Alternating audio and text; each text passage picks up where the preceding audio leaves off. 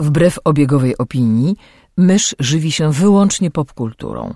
Jest zwierzęciem stadnym, które lubi dzielić się tym, co znajdzie ze światem. Jej naturalnym sposobem komunikacji jest przerywany śmiechem słowotok. Słuchacie podcastu Myszmasz.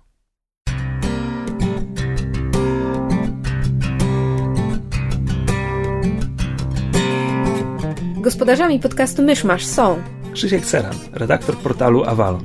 Kamil Borek ze studia Kobart. i Mysz, autorka bloga Mysza Mówi. Drodzy słuchacze, jest poniedziałek 5 maja 2014 roku. Tego dnia, w 1821, na wygnaniu na Wyspie Świętej Heleny zmarł Napoleon Bonaparte. Zapraszam do 55 odcinka podcastu Myszmasz. Okej. Sometimes I wonder if we're like a historic podcast. Nie najwidoczniej jesteśmy angielskojęzycznym podcastem, nie historycznym. Ale to nie pierwszy i nie ostatni raz. Ale to tak ładnie wyszło, ten 55 odcinek 5 maja. To nie jest przypadek, w tych liczbach jest znaczenie. Uważni słuchacze mogą je z- ten, odkodować, posługując się wskazówkami, które ukryliśmy w poprzednich 13 odcinkach.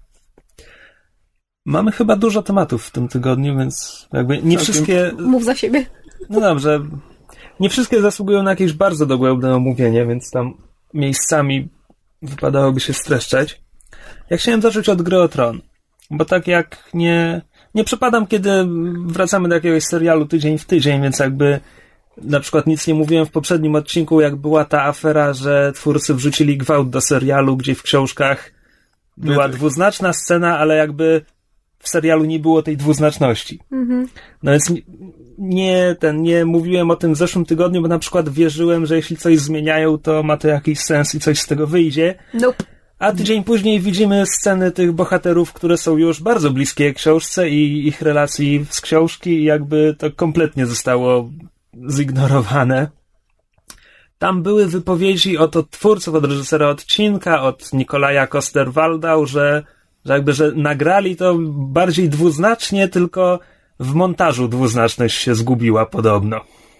Znaczy oni się wszyscy bardzo wystrzegali słowa gwałt, tylko że potem reżyser odcinka w jednym internecie palnął, że tak to był gwałt i że to tak wyglądało, więc niby się tak zarzekali, a ostatecznie wyszło na to, że jakby nie bez powodu zostało to odczytane tak, a nie inaczej. To znaczy ja rozumiem, dlaczego oni się rękami i nogami bronili przed tym, żeby nazwać to po imieniu, bo jakby no scena była stosunkowo drastyczna, ale ja pomijam, że nie czytałam książek ja nie widzę ja od początku nie widziałam sensu w tej zmianie względem książki, bo jakby czytałam e, w, internecie przewijały się jakby te konkretne fragmenty książki, które dotyczyły tej sceny. Gdyby to była świadoma decyzja, no to jakby no, Gra o Tron jest brutalnym serialem i gwałty tam się, tam są na porządku dziennym, więc jakby to samo w sobie nie byłoby, e, nie byłoby takie złe i takie szokujące, tylko że gdyby nie to, że próbują mimo wszystko rozgrywać wątek Jamie'ego tak, jak był w książce, a dali mu scenę, które, przez którą na,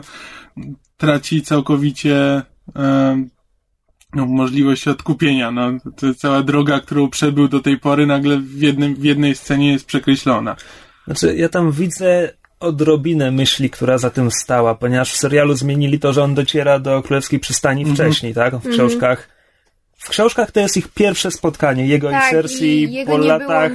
Tak, te, nie wiem, dwa lata czy ile to, to już miał i to ma jakby sens. Mm. W serialu to zmienili na zasadzie, że tam mamy dosłownie powiedziany odcinek wcześniej, że on jest tam od tygodni, a Cersei jeszcze go do łożnicy nie dopuściła, więc tam jakaś frustracja i w ogóle i to eksploduje w tej scenie i okej, znaczy to jest brzydka scena, ale to ma sens jakby patrząc jak, jak to było w poprzednim odcinku ta relacja pokazana, ale już w następnym nie ma, już, już się zgubiły konsekwencje. No właśnie o to chodzi, że gdyby to poprowadzili konsekwentnie, gdyby to było świadoma, świadoma ale nie, im po prostu zupełnie, zupełnie po prostu twórcom nie przyszło do głowy, że czy jak to ktoś to może odebrać jako coś złego? No, no, no. No ot, no, rodzeństwo się bawi, no. tak, tak mam wrażenie, że się twórcom wydaje, że tak tą scenę poprowadzili, a to... E, Nie, Znaczy, to, dla to mnie- było bardzo złe. Dla mnie to było. Znaczy, może i stała za tym jakaś myśl, ale niestety bardzo się boję, że Znaczy, ta, ta myśl myśl się była. urwała szybko. Tak, znaczy, że to. Nie, po prostu ja się boję, że to była myśl pod tytułem. E, zaszokujmy ich i zróbmy jakiś taki strasznie totalny twist, żeby, żeby tego Jamie'ego wszyscy znielubili. Po pierwsze, część osób już Jamie'ego nie lubi od pierwszego numeru, który wyciął, czyli od zepchnięcia brana z wieży, to A, Kto co jeszcze pamięta? prawda? Ja, ja nie. Już dawno jakby, to, to mnie w ogóle nie obeszło. Natomiast to, że oni na siłę właśnie w, w przeciwieństwie do książki wrzucili scenę specjalnie, żebym Jamie'ego znielubiła, albo żebym się sama ze sobą źle czuła, że nadal cholera mimo tej sceny mam do niego sympatię, ale to jest wszystko wina e, tego Nikolas, on jest Nikolaja. Nikolaj Nikolaj Kosterwalda. Koster- Tak, to Nikolaja dobrze odmieniam, tak. On jest bardzo, bardzo sympatyczny człowiek. Pomijam jakby postać Jamie'ego. Ale mm, no nie wiem, no nie, nie podobało mi się to. Nie no, mi też nie. To było głupie zagranie. I chyba nie ma już więcej co o tym mówić, ale to się wiąże z innym tematem a propos gry o tron, to znaczy odstępstwo od książki. Nie, nie. E, odstępstwo od książki w tym sezonie, jakby już wcześniej serial odchodził od książek w paru miejscach, ale to były takie wahnięcia, po czym wracał do książek. No albo łączył postacie, ale Albo był w łączył tym sens. postacie, tak, tak, tak. Natomiast w tym momencie to, co się dzieje na murze i za murem, to po prostu jakby no, geograficznie położenie bohaterów się w miarę zgadza. I, I to jest tyle. Oczywiście to, to jest problem z książek, że na przykład ta wycieczka brana na północ ma mniej więcej tyle napięcia i wydarzeń i zwrotów akcji, co wełdrówka Froda i sama z Golumem do Mordoru. Tak. E, więc coś tam zmieniają. Ale już to, co robią w tym momencie z Johnem, jest jakby. Kom- jakby... Okej. Kiedy mówimy o anime, które jest adaptacją mangi i widzimy tam wydarzenia, których nie było w mandze, to nazywamy to fillerem, bo wtedy serial animowany daje mandze czas, żeby tam twórca dopisał parę rozdziałów, jak se poszła do przodu, no i po prostu to jest filler w Grze o Tron, to co się teraz dzieje na północy. Nie no, no chyba do czegoś dążą, no bo jednak ta scena na końcu odcinka no sugeruje, że jednak próbują, że jednak chcą, żeby coś się za tym murem już zaczęło dziać już teraz. To Może dlatego muszą posłać, wiesz, Johna mm, gdzie indziej i Znaczy ja mam, zmieniać. ja dlatego się pytałam, czy mówisz Krzysiu o tym, o końcu odcinka, bo... Nie, nie, nie mówię ściśle o końcówce, tylko to, co się Znaczy, dzieje. tak, tak, ale Kamil teraz mówi o końcówce odcinka. Tak. Odcinek kończy się. Spoiler. Nie wiem, może ktoś jeszcze nie widział. Znaczy, to jest spoiler jakby duży, bo internet się zbulwersował tym, że. Um, W napisach na HBO Go jest zidentyfikowana postać z imienia, którą widzimy. tak, znaczy, White Walker jest po prostu pokazane i powiedziane za dużo, i w związku z tym serial zdążył No. zespoilować rzeczy, których Znaczy, nie ma w książce. nie ma w książce, bo... ale mają, znaczy teoretycznie będą albo powinny być, bo to do, znaczy książka prawdopodobnie do tego prowadzi, no. Być może, no, trudno zgadywać. Nie ma, nie ma przesłanek zbyt wielu. W każdym razie serial za dużo zdradził. ha, to nawet tego nie I przeczytałem. to, to nawet wiem, nie o co serial, chodzi. tylko dosłownie właśnie usługa HBO Go, gdzie tam w, w podpisach Tak. było, była postać zidentyfikowana, bo w serialu nie pada imię. Hmm. E, no ale tak, no to może być zbieg okoliczności, może być kontrolowany przeciek, żeby ludzie zajęli się czymś innym niż tym gwałtem z poprzedniego odcinka. Jest to sprytny pomysł. Podoba mi się takie podejście. I to chyba już wszystko, co grze o Tron ludziom, tak? Tak. Więc, a propos kontrolowanych przecieków, żeby uciszyć ludzi, chciałbym przejść do Gwiezdnych Wojen. E, Z Gwiezdnymi Wojnami były, były dwa duże ogłoszenia w ciągu ostatniego tygodnia.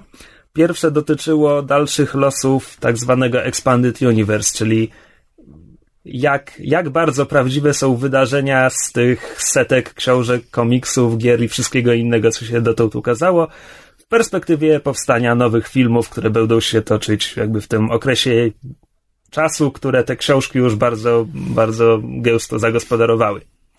No i ogłoszenie sprowadza się do tego, że Fakolce. filmy i komputerowa animacja Clone Wars to kanon, a reszta nie.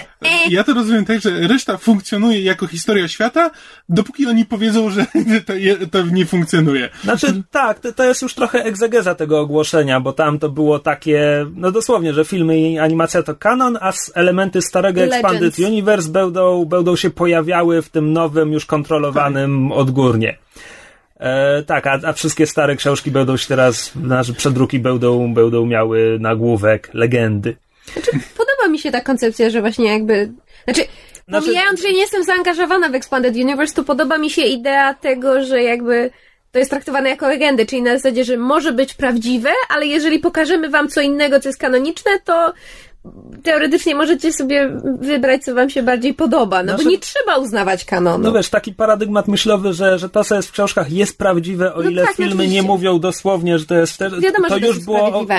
Nie, ale to jakby to już było w działaniu, bo przecież y, już prequele jakby nie zgadzały się z niektórymi Mhm. tymi źródłami Expanded Universe.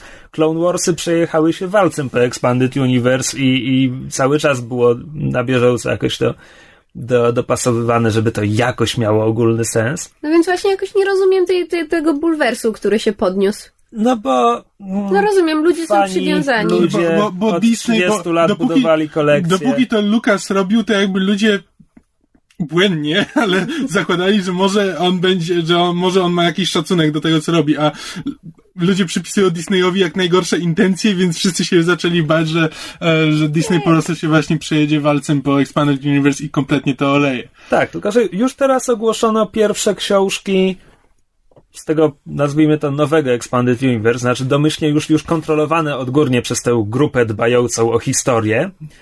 E, I te książki są pisane przez autorów, znaczy będą pisane przez autorów, którzy robili stare uniwersum.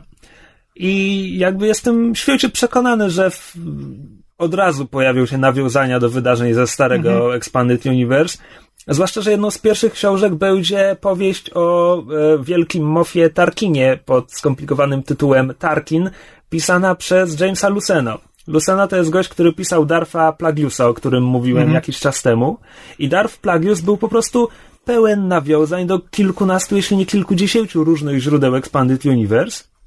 I nie wyobrażam sobie, żeby Tarkin był skonstruowany inaczej. Także myślę, że już za moment jakby całe mnóstwo tych wydarzeń ze starego Expanded Universe znajdzie swoje potwierdzenie w nowym. Tak, ja też tak podejrzewam, że nawet jeśli Disney ma to gdzieś, to po prostu autorzy sami zadbają o to, żeby jakoś e, wyjaśnić, czemu na przykład to wygląda inaczej niż e, rzeczą w filmach to wygląda inaczej niż oni do tej pory przedstawiali w Expanded Tak, no Universe, po prostu sami będą sobie to naprawiać. Oczywiście e, są pewne granice, no bo na przykład e, Peter Mayhew, czyli Chewbacca, będzie w nowych filmach, a jego postaci zmarło się 25 lat po Nowej Nadziei według książek, więc jakby tego się nie wyjaśni. Ale No tak, bo ja myśla, myślałem głównie o Expanded Universe jako o prequelach, jako o tym, co się działo przed... e, Och, nie, nie, nie. Expanded trylogią, Universe e, to jest no, przede no. wszystkim dopisywanie historii Po. tak, w tam- tym momencie tam do będzie 40 trudno. kilku lat po Nowej Nadziei, plus dwie serie komiksowe toczące się 130 parę lat po Nowej Nadziei. Bo tak. Mm. E, także tak, no. Po prostu najbardziej, najbardziej wypuszczając swojego wewnętrznego fana, i tak mogę powiedzieć tylko tyle, że, że jeśli tylko mm, Mara Jade, Wielki Admirał Tron, Koran Horn, Talon Karde, tak, jeśli te postaci zostaną tylko z imienia wy, wymienione, że funkcjonują w nowym Expanded Universe, nieważne jakie są ich życiorysy, to ja będę zadowolony, a reszta mi wisi. A i jeszcze Kapitan Perlion, bo jest super. E, tak, także tak. Po czym jak się internet i wszyscy inni oburzyli, że, że ojejku zabierają mi moje Expanded Universe, to parę dni później e, Jar Jar Abrams e, ten pokazał, pokazał obsadę tego nowego epizodu. Is that really a thing now? Tak, E, e, staram się jak najbardziej, żeby się stało. Znaczy, gdzie, gdzieś widziałem memy właśnie z tym, że jeśli epizod siódmy się okaże niewypałem, to od tego momentu J.J. Abrams będzie znany jako Jar Jar Abrams. Ale bardzo mi się to podoba. E, więc pokazano obsadę epizodu siódmego i tam są...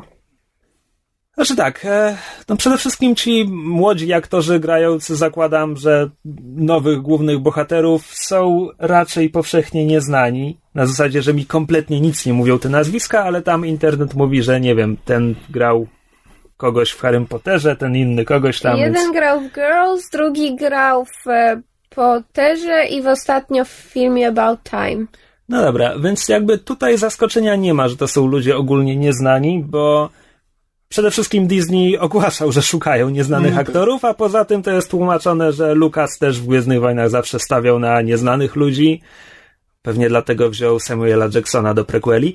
E, Także tak, no żeby, nie wiem, chyba myśl, która za tym stoi jest taka, żeby znany aktor nie, nie wyrywał cię z, wiesz, z opowieści, co jest bzdurne, bo to by oznaczało, że zawsze trzeba brać nieznanych aktorów, ale mniejsza z tym.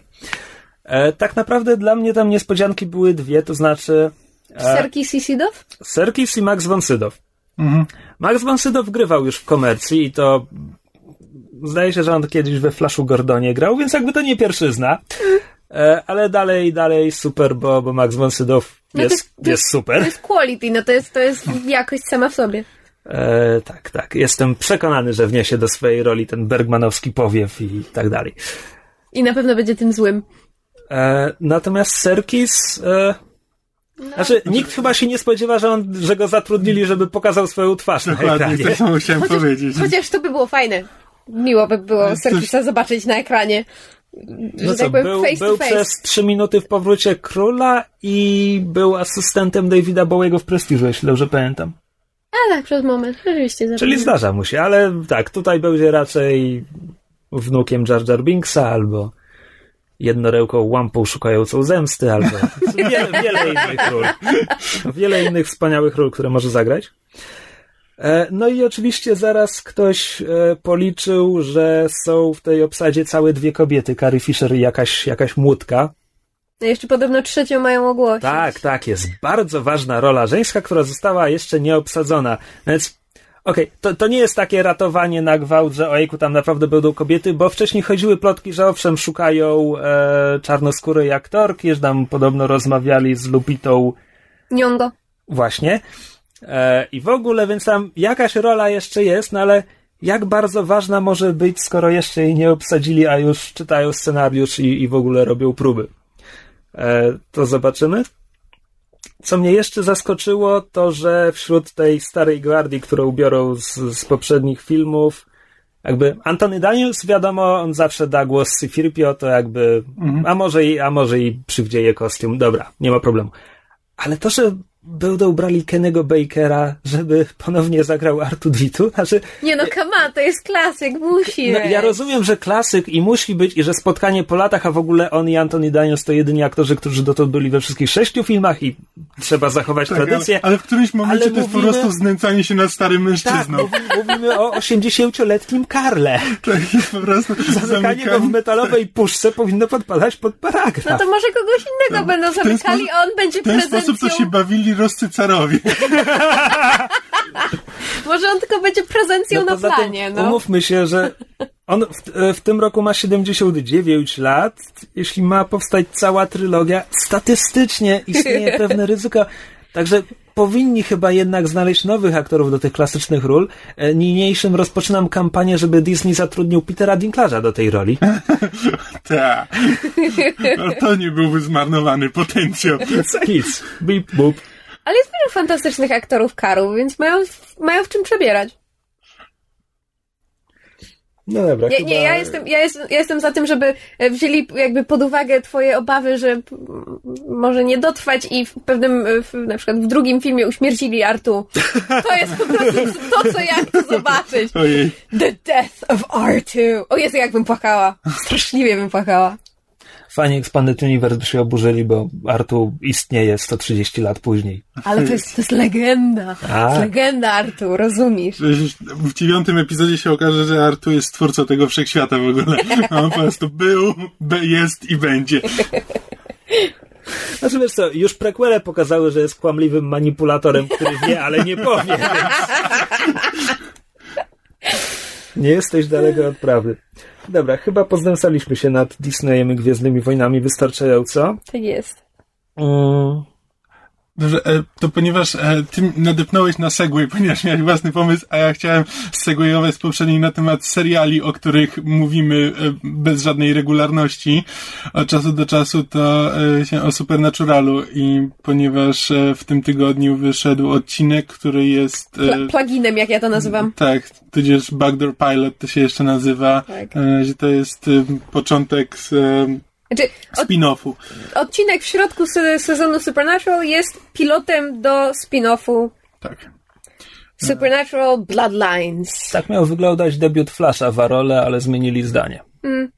Może Ale- nawet słusznie.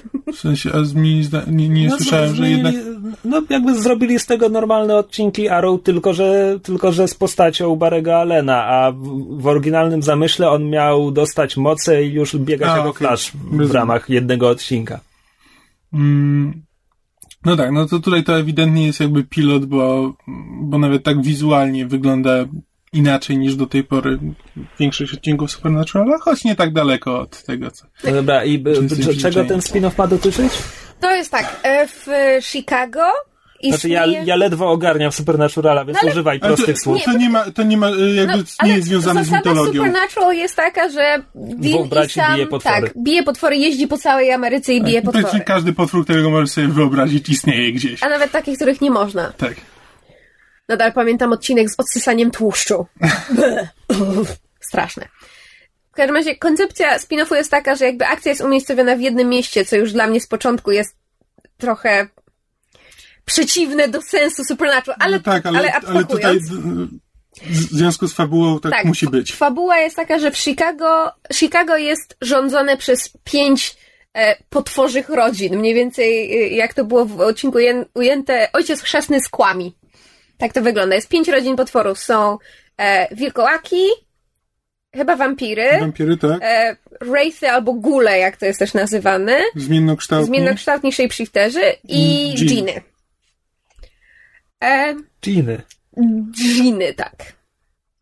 Nieważne, nie wnikaj. Ale, one się już w tak- serialu takie pojawiały. z lamp, czy... Nie, ale no jakby wysysają z ciebie energię, a żebyś nie zwrócił uwagi, to spełniają twoje życzenia. To jakoś tam się to tam odbywa. No i ważne, w każdym razie są postacie Sukuby, a dżinów. nie dżiny. No dobra, mów dalej. Sukuby też były, znaczy syreny chyba. No nie, nie, nie, naprawdę nie zaczynaj. E, I przy okazji jakby, znaczy oprócz tego e, konfliktu pięciu rodzin mamy też oczywiście motyw, bo jak żeby inaczej, to serial CW, więc musi być.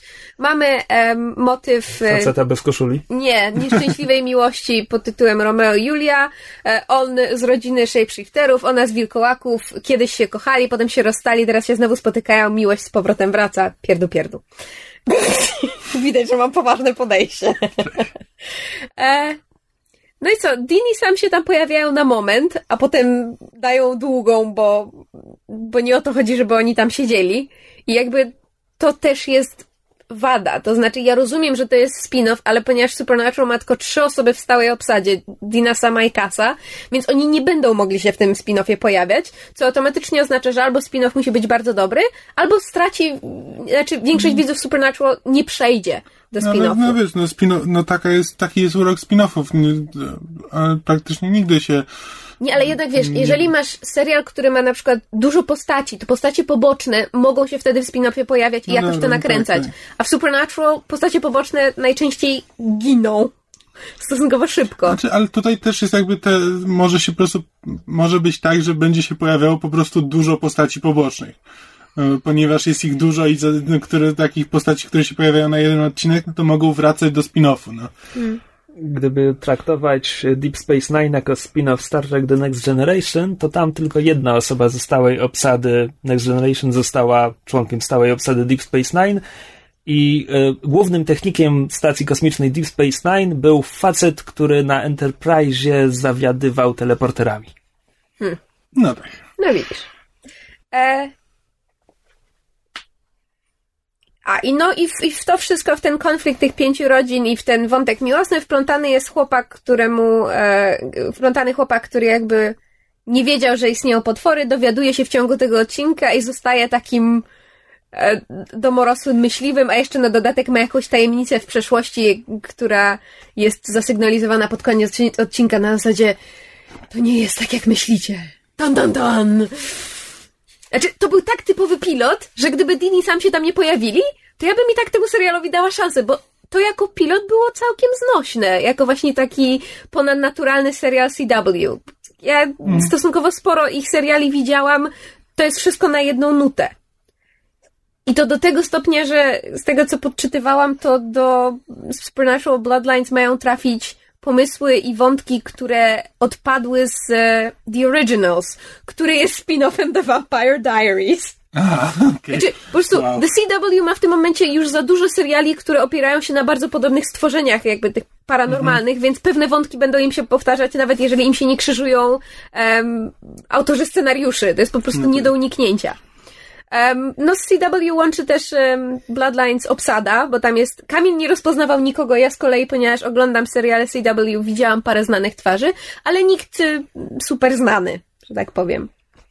Pod względem aktorskim, no właśnie, no DCW, no takie trochę, wiesz... Jest dużo ładnych aktorów. No. Dużo ładnych aktorów, trochę drewniane, trochę szarżowane. Jest w tym trochę uroku. E, jeden z bohaterów ma, ma sporo charyzmy i, i, i jest fajnie. Do, do tego odcinka też e, scenarzyści wyraźnie próbowali się popisać i próbowali jakoś pokazać, co potrafią i było parę autentycznie fajnych, śmiesznych tekstów się e, uśmiechnęłam się parę razy, co w wypadku Supernatural już bardzo rzadko ma miejsce, bo po prostu przejadły mi się już te teksty, które wkładają w usta e, pisarze wkładają w usta braci Winchesterów. Ale to, co na przykład mnie bardzo zaciekawiło, to to, że ten odcinek, ponieważ służył jako backdoor pilot i oglądaliśmy wszystko z perspektywy właśnie jakby tych innych bohaterów, a sami, sami Dim się tam tylko pojawiają na moment, to nagle zdałam sobie sprawę z tego, jak oni są um, jak oni są bardzo e, opryskliwi, depresyjni i wkurwiający. Tak. Po prostu patrzę na nich jest takie dlaczego ja, dlaczego ja z wami oglądam, dlaczego ja wam kibicuję? W ogóle więc to bardzo mnie rozbawiło to, jak zwykła, najprostsza zmiana perspektywy Właśnie, może właśnie, zmienić. Jak patrzymy na tego chłopaka, gdzie oni, e, oni się nagle pojawiają na posterunku policji, żeby przepytać tego chłopaka e, właśnie, co, co widział. No i on tam, wiesz, no, zadają mu tam parę pytań, potem mówią, że nie, nie, nie, to co widziałeś to jest wszystko ten i, i go zostawiają. I, on jest tak, I tak widzimy z jego perspektywy, jak to, jak to wygląda. Ewidentnie oni coś wiedzą, zostawili go tutaj, gdzie on wie, że zobaczył jakiegoś potwora. Oni mówią, że nie, nie, nie, nie przejmuj się tym, to nie był żaden potwór. Znaczy, What a bunch of assholes! tego po prostu zostawili na chama. No, e, pojawia się też tutaj, mam wrażenie, problem, który jest e, dość, e, jakby to jest ten sam problem, który ma Supernatural, mianowicie jest problem z postaciami kobiecymi. Są jakby, są tylko trzy typy kobiet, które w Supernatural się pojawiają i mam wrażenie w Bloodlines będzie to samo. To jest e, wredna, zimna Zouza, e, urocza, niewinna e, kobietka, którą trzeba ratować i ma, mamy, mamy z nią sympatyzować i em, e, nijakie kobiety w backgroundzie. I to jest jakby jedyne, co się pojawia i widać to też w pilocie. Jest właśnie ta zimna suka, ta nasza Julia, że tak powiem, w tym, w, tej, w tej głównej parze, no i jakby y, ktoś tam się przewija w tle. I nie wygląda, żeby oni w Bloodlines robili cokolwiek innego. E, I dzisiaj weszłam na, na moment na. na- Znaczy, to nie jest jakiś super. em, znaczy, to nie jest jakiś główny portal, prawda, telewizyjny, tak jak IMDb jest takim em, głównym portalem filmowym, gdzie, prawda, statystyki teoretycznie o czymś tam świadczą, a przynajmniej mogłyby. E, ale było głosowanie pod tytułem, czy, czy jakby Bloodlines wam się spodobało i było bardzo równo ro- rozłożone głosy między nie zostaję przy Supernatural, e, tak pilot mi się bardzo spodobał, a nie wiem, zobaczę, dam im jeszcze parę odcinków. I były, procentowo to było między tam, e, było chyba większość, znaczy procentowo było rozłożone 33% w każdej, w każdej odpowiedzi, więc jakby opinie, jeśli chodzi o, o, o- recenzentów i, i, i widownie tego pilota też były bardzo podzielone. Są osoby, które mówią, że, że mogą, ma to szansę, są osoby, które mówią, że absolutnie The CW powinno porzucić ten projekt, no więc em, pożyjemy, zobaczymy. Ja, ja dam serialowi szansę. Może coś z tego będzie. Ja po prostu jestem już na takim etapie, że kocham sama Edina i kocham Supernatural, ale to jest już taka to jest już takie długie, stare małżeństwo i to jest bardziej z obowiązku i z przyzwyczajenia, więc właśnie ta nowa krew jakoś tak jest coś w tym, no. Albo przynajmniej mogłoby być, ale zobaczymy. No, to tak dwa słowa. Ponieważ boję się ataku ze strony barbarzyńskich trekkies, muszę nadmienić, że kiedy już Next Generation się skończyło, to jeszcze Worfa przeszczepili do Deep Space Nine. Ja, ja o tym wiem, zapomniałem wspomnieć, przepraszam. Nie ten, nie, nie piszcie. Przynajmniej nie w tej sprawie. E, Skoro o pilotach mowa, to Showtime wpuściło do sieci przedpremierowo pierwszy odcinek Penny Dreadful. A Penny Dreadful to jest serial, który rozgrywa się pod koniec XIX wieku w Londynie jest e, posełpnie, mroczno, są najazdy na zwłoki. I ma fabułę mniej więcej jak Liga Niezwykłych Dżentelmenów. To znaczy, Koncepcyjnie. Od, od połowy pilota fabuła już idzie tak w innym kierunku. Znaczy, ale jakby idea. Czekaj, ale pierwsza połowa pilota to oglądałem ją z takim przeświadczeniem, że Alan Moore powinien dostać tantiemy. Okej, on nie był pierwszy, który, który wymyślił, żeby tam, żeby się spotkał, nie wiem, Sherlock Holmes z Drakulą czy cokolwiek, ale e, ta, tak, no. Mamy, co mamy? Mamy tajemniczego dżentelmena i e, tajemniczą damę. Tajemniczy dżentelmen ma jakiś cel, na którym mu bardzo zależy, chce wyrwać kogoś ze szponów e, londyńskich wampirów i zatrudniają do tego amerykańskiego rewolwerowca, żeby tak wziąć go na akcję. No i idą na akcję i biją się z wampirami, ale nie, nie odnajdują tej kobiety, więc tam potem jakby zastanawiają się, co dalej właściwie przez większość odcinka. Tam jeszcze idą na konsultacje do młodego doktora zafascynowanego tajemnicą, e, tajemnicami życia i śmierci. I elektryczności. E, tak. E, tak, no więc. E, Łat, łatwo się domyślić. tak, nie jest, nie jest to zbyt trudne. Zwłaszcza w momencie, Znaczy, kiedy... e, nie, do, nie, nie ten. Ponieważ Eva Green gra postać, która tak mi się kojarzyła z, właśnie z Miną Harker z Ligi Niezwykłych Gentlemanów, przez to nie wpadłem na to. że Sir, Sir Malcolm Murray e, jest... ta, jest, jest ojcem Miny Harker i kobieta, której Ne- szukają, to Mi- jest Mina Mi- Harker. Miny Harker, nej Murray, bo to było tak, jej... tak, z domu Mary. Tak, panieńskie nazwisko, zanim się z Jonathanem Tak. Parkerem była. Więc tak, e, ja nie lubię takiego epatowania obrzydliwością, ale tutaj jakoś, jakoś to się sprawdza. Przede wszystkim mnie obsada do tego przyciągnęła, No. bo to, że Evergreen strasznie lubię, to już chyba wspominałem w odcinkach. A ja dopiero tutaj się Wielu? do niej przekonałam. E, Bo jest bez makijażu. Ja rozgryzłam, dlaczego ona mi przeszkadzała. Nie, bo ona jak jest umalowana tak silnie, jak na przykład właśnie, nie wiem, w Bondzie, czy, czy gdzieś tam indziej, to po prostu ona jest, wiesz, no femme fatale. A tutaj bez makijażu ona wreszcie ma jakby czym grać i, i strasznie mi się podoba, jak pa- patrzę na jej twarz i Mhm. jakby widzę, co ona robi tą postacią. Bardzo mi się to podoba. Jest y, Josh Hartnett, którego strasznie lubię, chociaż wciąż nie jestem pewien, czy on jest Dlaczego? dobrym aktorem. Ja też to mam. Ja też tak mam. Ja go, ja go polubiłem po Lucky Number 11. Mhm. E, I tam widziałem go w paru filmach, ale nie jestem w stanie ostatnio- powiedzieć, za co go lubię i czemu. Ostatnio w ogóle nie grał. Ostatnie, co on grał, to było 30 dni i nocy. Tak, on No, sobie zrobił sobie przerwę. Zrobię sobie przerwę. E, no i właśnie ojca Miny Harker gra Timothy Dalton, jeden z moich ulubionych Bondów, e, który strasznie fajnie wypada w tej roli. To, to nie jest wymagająca rola, ma no, ma być taki posełpny, tajemniczy, ale jest, jest w tym świetny. E, ten aktor, który gra młodego Frankensteina, Harry Threadway.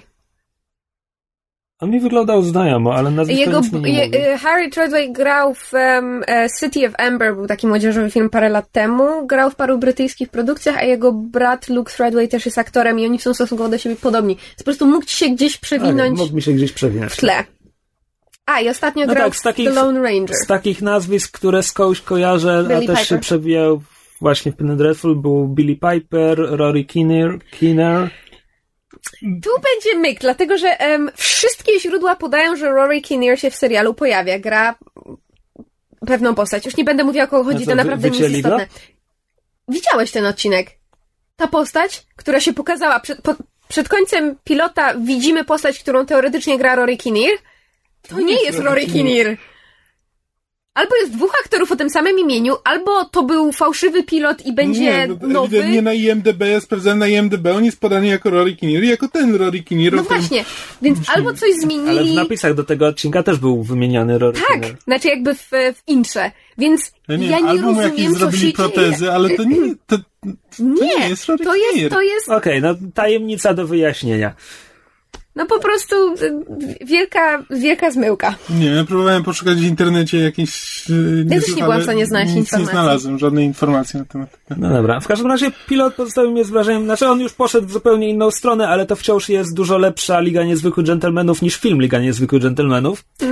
E, natomiast to też jest takie trochę błędne skojarzenie, no bo Moore się tam w komiksie bawi nawiązaniami, odniesieniami do literatury i tak dalej, i tak dalej, a tutaj jakby zapowiada się, że po prostu wzięli postacie i je wrzucają do takiego... Ale ma to cholera klimat i podoba mi się jakby wątki, które oni wprowadzają, tak jak em, jakby widać, że postać um, grana przez Hartnetta, oprócz tego, że jest tym amerykańskim rewolwerowcem, już widać, że ma jakąś tajemnicę, którą się będziemy dowiadywać e, w trakcie następnych odcinków. Ja akurat się domyślam, co to jest. E, B. Jest um, wrzucony e, trochę tak, trochę na chybił trafił, ale bardzo mi się to podobało, jest wrzucony wątek um, jakby Kuby rozpruwacza, bo co, coś zabija w Londynie i nie wiemy co i, i ludzie spekulują, że to jest Kuba rozpruwacz, że wrócił. E, I trzecia znaczy, rzecz. Ponieważ to jest taki zlew, do którego wrzucają całą literaturę gotycką, to, to wiemy, kto to jest. Nie, znaczy. Tak i No dobra, inaczej. nie. Ja, ja wciąż myślę torami Ligi Niezwykłych Dżentelmenów, ale okej. Okay. A co myślisz, że, że doktor Jekyll Mr. Hyde? Tak. Nie. E, znaczy z tego co wiem, znaczy z moich informacji i moich domysłów wynika, że wilkołak. Randomly, the okay. Wolfman, basically. Um, i trzecia rzecz, która mnie trochę rozbawiła, bo zaczęła mi się kojarzyć z Anne Rice, to był wątek starożytnego Egiptu. No tak.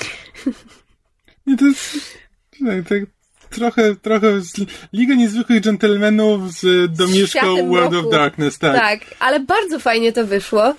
E, I ja muszę po powiedzieć, że weszłam sobie jakby w, w, na, na, na IMDb czy tam na Wikipedię i sprawdziłam, kto jest za to odpowiedzialny.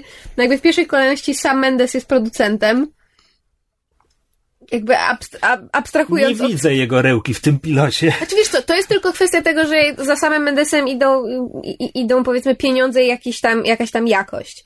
Ale y, twórcą tego jest, jest um, John Logan i jak się okazuje, on ma bardzo interesujące um, dokonania. To jest tak, scenarzysta Gladiatora, Aviatora, Sweeney Todd Burtona, e, Hugo, Skyfall, tego co Mendes go zrobił, um, Coriolanusa wersji filmowej, Ostatniego Samuraja, e, sztuki Red, która w 2010 roku wygrała 6 nagród Tony, e, autor sztuki Peter and Alice, którą, na którą ja poluję, bo to jest po prostu, to jest sztuka e, troszeczkę w podobnym klimacie moim zdaniem jak, znaczy jakby idea jest podobna jak Penny Dreadful, mianowicie no, Peter, Peter Pan Alice. I Alicja w Krainie Czarów? Tak, że, że spotykają się pierwowzory postaci Pietrusia Pana i Alicji w Krainie Czarów i to grają Judy Dench i Ben Whishaw. I to jest sztuka, którą bym strasznie chciała obejrzeć, jest podobno fantastyczna. E, I John Logan pisze też 24 i 25 Bonda. I tutaj jakby na 24 będzie znowu współpracował z Mendesem. 24 i 25? Tak co mnie co trochę, co mnie martwi, bo zaczynam się bać, że będzie to be continued jak, jak Casino Royale i Quantum of Solace, co Bondowi nigdy nie wychodzi na dobre. Znaczy nigdy, raz się zdarzyło. Nie zmienię zdania, nigdy. To nigdy Bondowi nie wyjdzie na dobre. Bond nie jest od tego, żeby być dwuczęściowym to be continued. A z kolei reżyserem pierwszych odcinków e, Penny Dreadful jest Juan Antonio Bayona, który jest reżyserem e, bardzo chwalonego hiszpańskiego horroru Orphanage, Sierociniec. Więc jakby suma summarum hmm. plus obsada są tu ludzie, którzy naprawdę... To imponująco. Wiesz, osiem odcinków w serialu, więc na tyle długo, żeby rozwinąć pewne wątki i opowiedzieć fajną historię, ale nie, nie tyle dużo, żeby to się jakoś za bardzo rozpełzło, więc naprawdę jestem dobrej myśli, jeśli chodzi o Penny Dreadful. Myślałem, że z rozpełdu wymienisz jeszcze kompozytora. A, Abel Korzeniowski. O Chryste, chyba mm. fantastyczna muzyka. Ja po prostu siedziałam wpatrzona w ekran i tylko podgłaśniałam cały czas muzykę. Fantastycznie, fantastycznie ją napisał. Tak, także to jest Penny Dreadful. Polecamy. Premiera jest e, w połowie maja. 11 chyba już. No, no tak. Szybko. Szybko. Więc teraz razem z Salem to będziemy mieli dwa mroczne seriale. Zaraz wraca ostatni sezon Trubloda. Myślałem, że mówimy o mrocznych serialach. On jest, on jest mroczny w tym sensie, że jest mrocznie zły. Slapstick soft porno. No.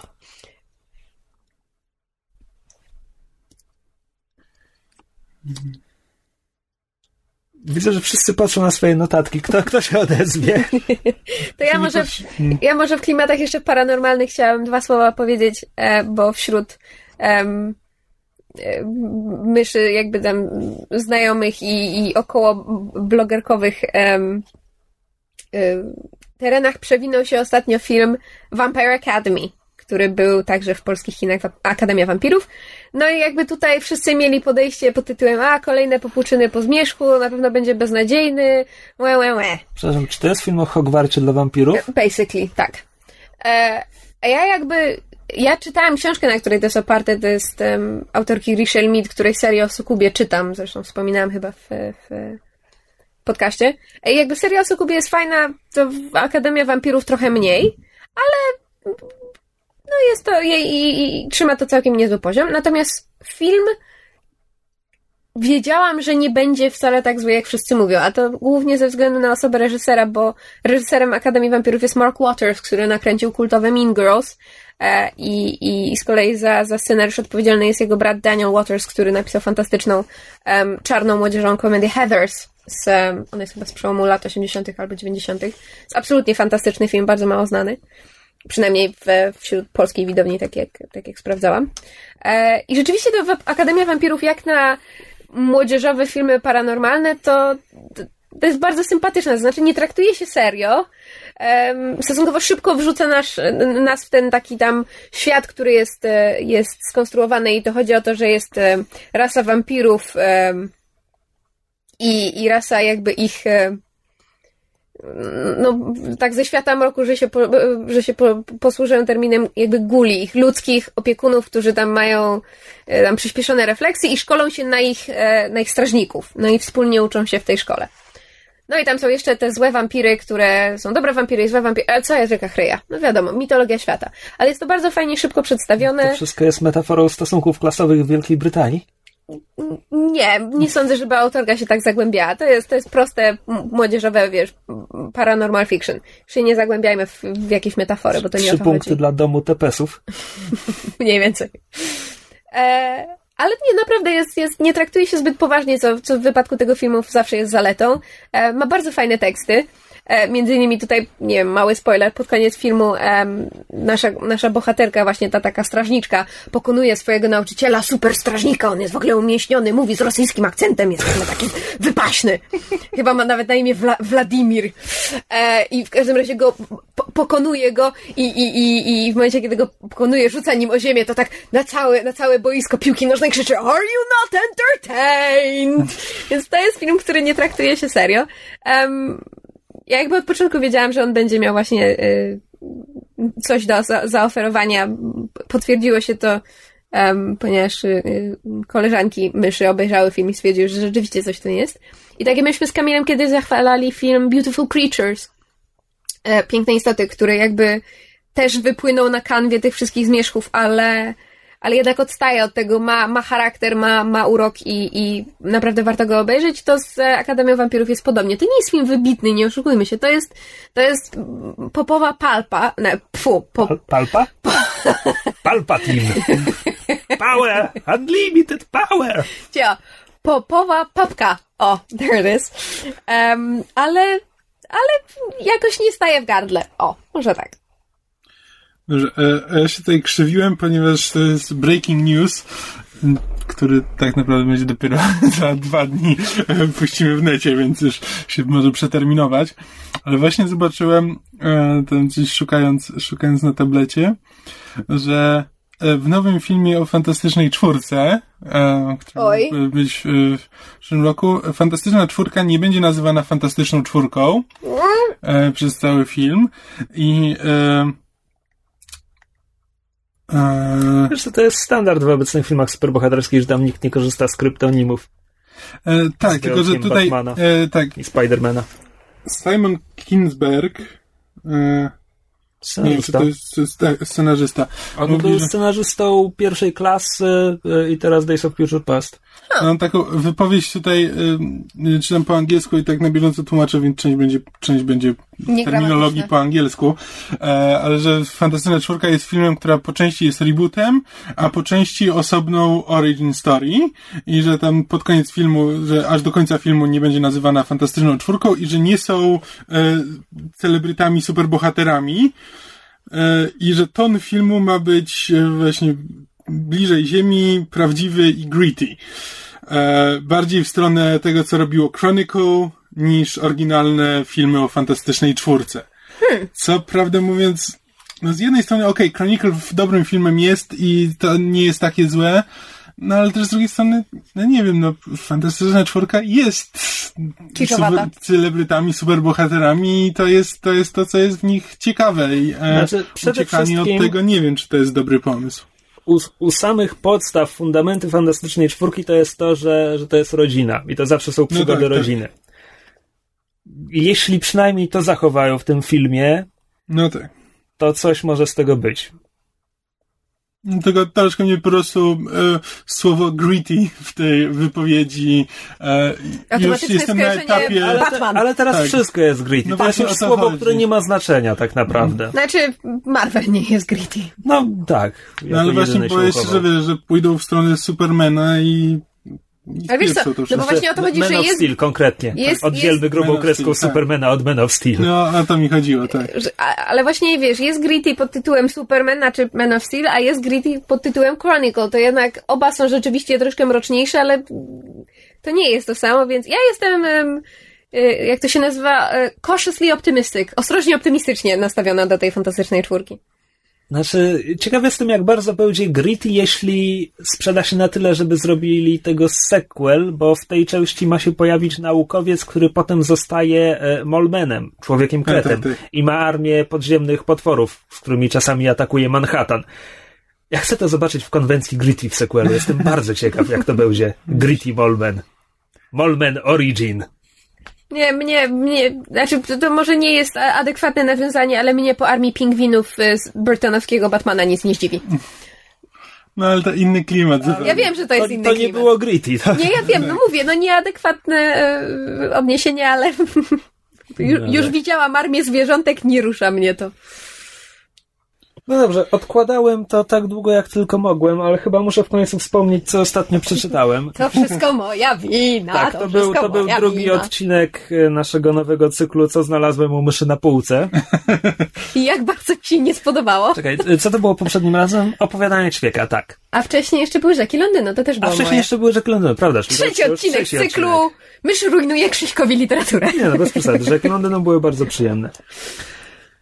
Więc tak, e, znalazłem u myszy na półce Ale chciałabym tutaj zaznaczyć, bo to jest bardzo istotne dla potomności. Ja Krzyśkowi mówi, po, podałam zupełnie inną książkę, a on na własną rękę stwierdził nie i wybrał tę drugą. I teraz będzie mówił o tej drugiej i narzekał, a mówiłam weź tę pierwszą. a teraz jest za późno, ale pożyczyłam wziąłem o tej drugiej, bo chciałem się przekonać, czym ona jest, bo nie potrafiłaś mi w krótkich słowach mówić, bo, że- bo mówiłaś, że jest nudna, ale to dobra książka, ale w sumie żadnej postaci nie lubię, ale to klasyka i jakoś tak skakałaś z kwiatka na kwiatek i po prostu chciałem się przekonać, co to jest. Co to jest? To jest Lioness napisane przez Jacka Vance'a. E, Teoretycznie zaliczane do kanonu fantastyki. jeśli przyjmiemy ten Sapkowskiego kanon fantastyki. Nie, nie, autentycznie potem doczytywałam. E, No dobra, dobra, ale czekaj, bo tak strasznie dłu- przedłużamy ten wstęp. O czym jest Lioness? E, akcja rozgrywa się na zagubionym archipelagu gdzieś pomiędzy e, Brytanią a Francją. Trochę, Atlantyda, przepraszam. trochę na zachód od, e, trochę na zachód od kanału La Manche. Nie, nie, bo to jest, to jest zupełnie inne mity. Jakby to zatopione miasto Is i tak dalej, to się bierze Ja właśnie... wiem, ale po prostu mam, mam jednorodne skojarzenie. A, nie no, Atl- Atlantyda to chyba gdzieś, gdzieś indziej powinna leżeć. W każdym Jedno razie... zatopione miasto, drugie Tak, zatopione jest, miasto. jest ten archipelag tak zwanych starszych wysp, które wcale niedawno, tak jeszcze ze trzy pokolenia wstecz, miały wspólnego władcę, któremu wszyscy podlegali, ale tam coś się rypło, już zdążyłem zapomnieć tę historię. E, I teraz każdy, każdy, kto tam był dukiem, teraz tytułuje się królem i jest dziesięciu królów, z których niektórzy jakby są zadowoleni z tego, co mają, a niektórzy mają wielkie ambicje i próbują je zaspokoić i zjednoczyć ponownie wszystko. No więc jeden z tych władców będzie naszym antagonistą, jednym z. E, I w tych realiach co mamy? Mamy, no mamy piękną królewnę, która zostaje skazana na uwięzienie przez swojego złego ojca. Patrz wyżej. E, mamy szlachetnego królewicza, który zostaje podstępnie zdradzony i skazany na pewną śmierć, ale nie ginie, zostaje za to uwięziony, potem znowu uwięziony, po drodze ucieka, potem znowu ucieka, potem próbuje odzyskać swojego magicznego syna, którego nigdy nie widział na oczy. Mamy magicznego syna, wychowanego wśród elfów, a po teraz wypchniętego w szeroki świat, żeby się w nim odnalazł i ten, no, legendę swoją stworzył. Może powinienem wspomnieć, że magiczny syn ma 8 lat w tym punkcie. E, mamy. Co tam mamy jeszcze? No mamy spiskujących czarodziei, którzy też jakoś ze sobą. Wróżki, olbrzymy, dobrze pamiętam, czytam to wiele lat temu. No tak, ale, to- ale to jakby to jest tło, to No że tam ale- są ale te mityczne stwory, tak. te- Fairyland. tak. Mm, Wszystkie róż, różnej maści elfy, wróżki i tak dalej. I jakby No, muszę przyznać, że opisywane w ten sposób to brzmi nieźle. Problem pojawia się, że y, to jest. Funkcjonujemy w sferze mitów. To znaczy, to, to nie jest takie fantazy, mm, nie wiem, no, że, że nie wiem, no to, to nie jest Wiedźmin, to nie jest Conan, to, jest, to jest jakby opisywanie mitów. Więc mamy tam takie epizody na zasadzie, że wiesz, że bohater pyta czarodzieja o radę, czarodziej mówi mu, pójdź tą ścieżką, ale nie, nie po północy, przy tym przejściu spotkasz staruszkę, przetnij ją mieczem, przenieś na drugą stronę rzeki, tam będzie gryf, musisz mu podać miód z tym, i tak dalej, Znaczy, i tak dalej. Mity I, baśnie, powiedzmy. mity baśnie, tak. I on to wszystko wykonuje, i wszystko idzie zgodnie z myślą systemem, no bo jakby bo zastosował się do instrukcji, tak? Jak się stosujesz do instrukcji, to wszystko będzie dobrze. E, nie, właśnie używam słowa mitów, ponieważ to wszystko jest opisane, no jest w tym tyle emocji, nie, jest w tym mniej emocji niż w takiej na przykład mitologii Parandowskiego. To się czyta jak taki encyklopedyczny skrót miejscami, że dosłownie poszedł, zgładził, został uwięzion, ale uciekł. To po prostu jest, jest nudne. Znaczy tam jest m- mnóstwo rzeczy, które są opisane bez emocji To się i wychodzą trochę, nudno. to się czyta trochę jak kroniki wymyślonego kraju, to znaczy to, co jakby Martin robi dobrze i to, co Tolkien teoretycznie zrobił dobrze wymyślając świat, to Vance próbował zrobić, ale mu wyszło drętwo. Jasne. Nie no, Tolkien to tam, wiesz, tytaniczną pracę włożył w wymyślanie swojego rzucam świata. hasła, które słuchacze mogą kojarzyć, no. No dobra. Mam dzisiaj dzień złych metafor. E, co tam jeszcze jest? Co tam jeszcze Porównań. jest? Sorry. Odezwał się we mnie gramar nazi. Ojej. Mm. No dobrze. Ech, znaczy, było to tak nudne, że zacząłem się bawić i, i przekręcać nazwy, żeby wychodziło z nich coś śmiesznego, co w fantazji jest bardzo proste, więc jak mamy elfa e, Falaela, to z, przerobiłem go na Falafela i był dużo ciekawszy w ten sposób. Tak, zamek Sang, zamek Skank i tak dalej. E, no jest dobre. Przede wszystkim to jest nudne. E, to jest kraj, gdzie jest straszni ludzie robią straszne rzeczy, ale nie robi to na nikim szczególnego wrażenia. No. Dobra, ujmijmy to tak. Moment, w którym ta e, książka rozwodzi się po prostu z logiką jakby jakimikolwiek sugestiami, że, że to są wiarygodni ludzie i wiarygodne te. Na pierwszych 50 stronach e, księżniczka, która, o której wiemy, że jest jakaś dziwna i w ogóle nigdy nie robi tego, co jej mówią i trzykrotnie mówiła swojemu ojcu, królowi, że ona nie chce wychodzić za tego faceta, za którego zaraz ma wyjść. No więc księżniczka ta nie przychodzi na swój ślub bo jakoś ten zły król, który bardzo ła- łatwo sięga potem po przemoc, nie wpadł na to, żeby doprowadzić ją pod strażą i do ślubu nie dochodzi.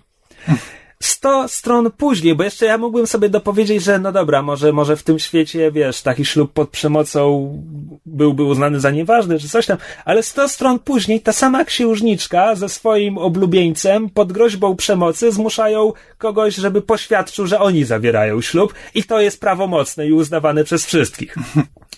No więc nie. E, więc tak, więc w tym momencie rozwiedliśmy się z logiką i ja tak sobie już pomyślałem, aha, okej, ale dojadę jakby, dobra.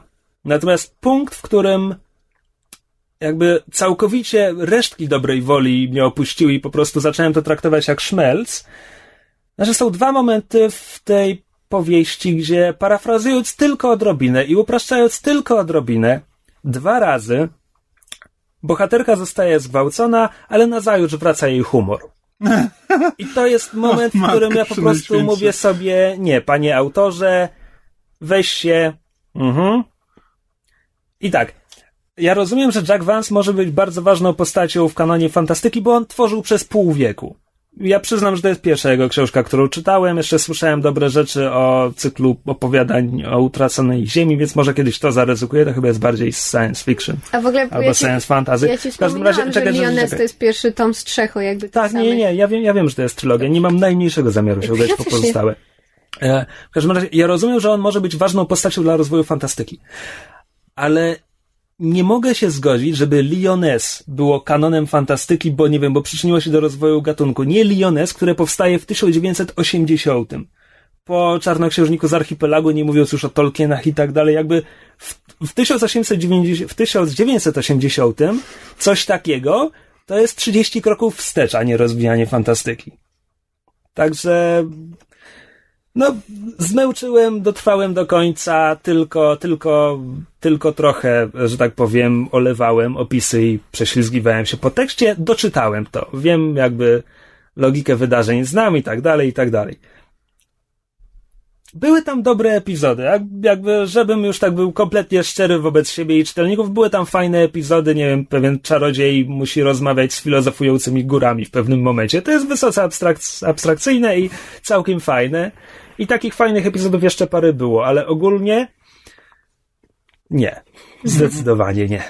Ja się tutaj zgadzam. To, była książka, którą długo męczyłam i jakby właśnie męczyłam ją ze świadomością, że Jack Vance ważna postać, że Lioness, że tak, że, że ludzie o tym wspominają, że to jest istotne, a tam im dalej czytałam było, tym bardziej się zastanawiałam, ale dlaczego? I nie doszłam do żadnych ostatecznie wniosków. Znaczy tak, e, Pewne, pewne pozytywy z całej tej sytuacji wyszły, to znaczy przede wszystkim e, cieszę się, że to od ciebie pożyczyłem, bo ja kiedyś miałem to w rękach w księgarni i o mało co tego nie kupiłem. A tak to ja wydałam pieniądze. Tak, ta, a to jeszcze była, wiesz, księgarnia w Londynie, myślałem, że sobie przywiozę z wyjazdu coś, to, o Jezus Maria. Dobrze, więc tego uniknąłem.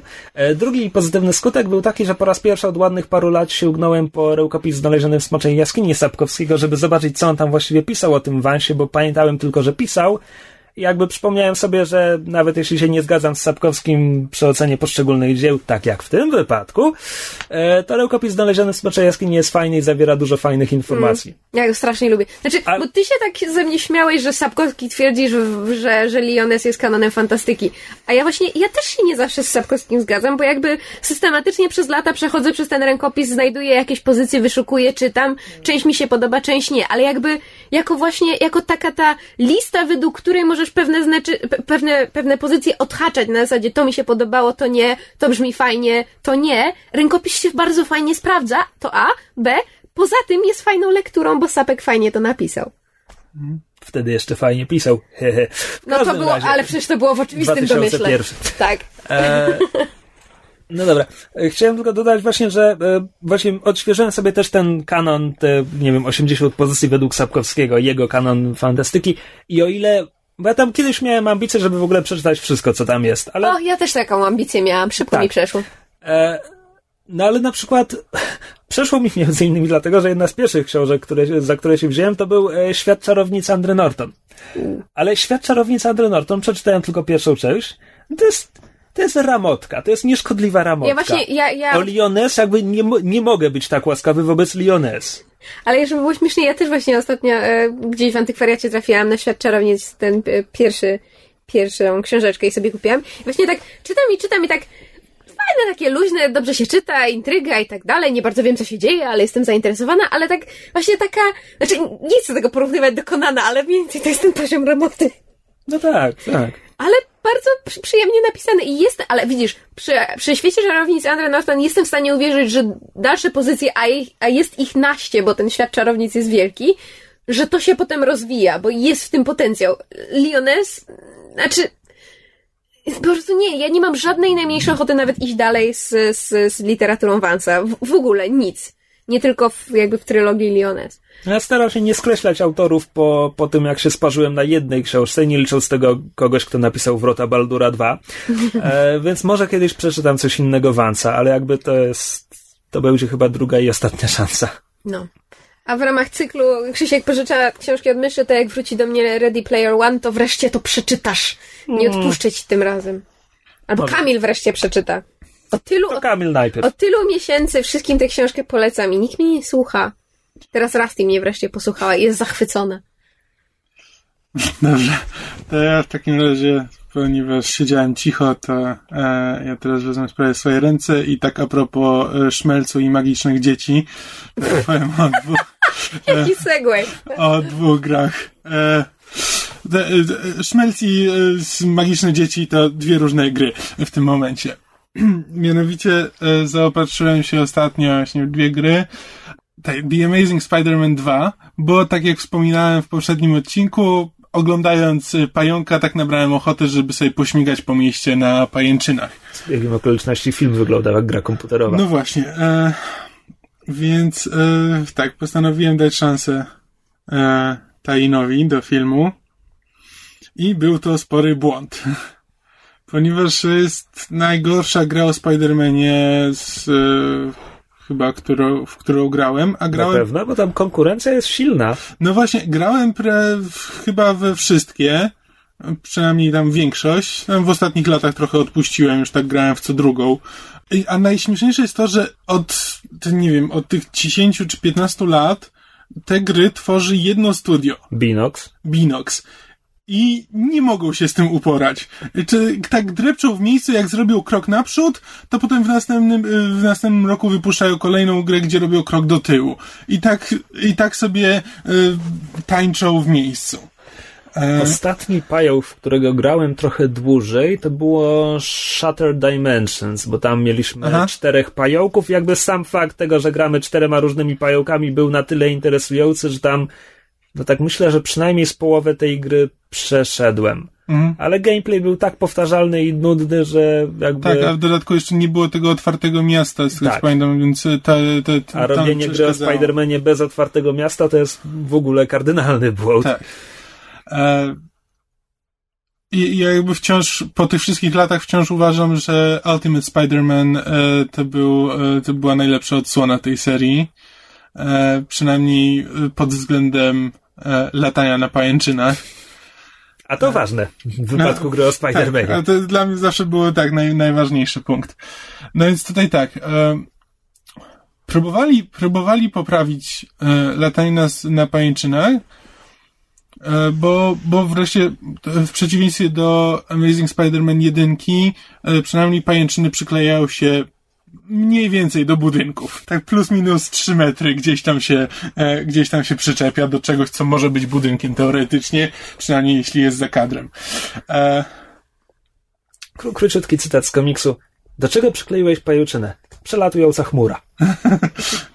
I to jest zawsze właśnie, to jest to, co mi się podobało w, w Ultimate Spider-Manie, e, że wtedy człowiek się czuje jakby rzeczywiście coś, e, jakby rzeczywiście sam, samemu latał na tych pajęczynach, bo jeśli się przykleja gdzieś do chmurek, to równie dobrze można by było zamienić to w grę o Supermanie i dać po prostu latać. Jakby nie o to, nie o to w tym chodzi. E, ale, ale sterowanie e, spieprzyli tak dokumentnie, że 5 razy na 10 w połowie przypadków e, zaczynałem latać nie w tym kierunku, w którym chciałem. E, nie da się wbiec po ścianie w linii prostej. Znaczy pająk cały czas gdzieś ucieka mi na boki, mimo że trzymam gałkę pada w jednej pozycji. Może kamera zmienia położenie?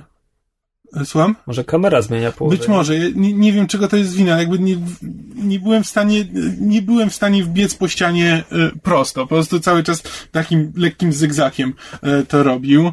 E, jak się pojawiają misje, w których na przykład trzeba uratować z płonącego budynku e, cywilów, to wskoczenie w okno jest już ten, e, jest już problemem. Sterowanie jest, sterowanie jest tragiczne. Jak to teraz jest w modzie, styl walki zapożyczyli z Batmana, tylko, że... Nie no, ale Binox to już od przynajmniej czterech gier robi. Przecież w Shattered Dimensions były nawet poziomy na przechodzenie, wiesz, w ukryciu i te stealth takedowns i tak dalej. E, tak, stealth takedowns też się pojawiają i też zaraz e, o nich wspomnę, ale tak. E, no tak, styl walki po prostu wzięli z Batmana, ale kompletnie nie rozumieją, co, w, e, co jest ciekawego w walkach z, w walkach z Batmana i też e, no, ogranicza się to tylko do wciskania klawisza ataku i co jakiś czas e, kontry.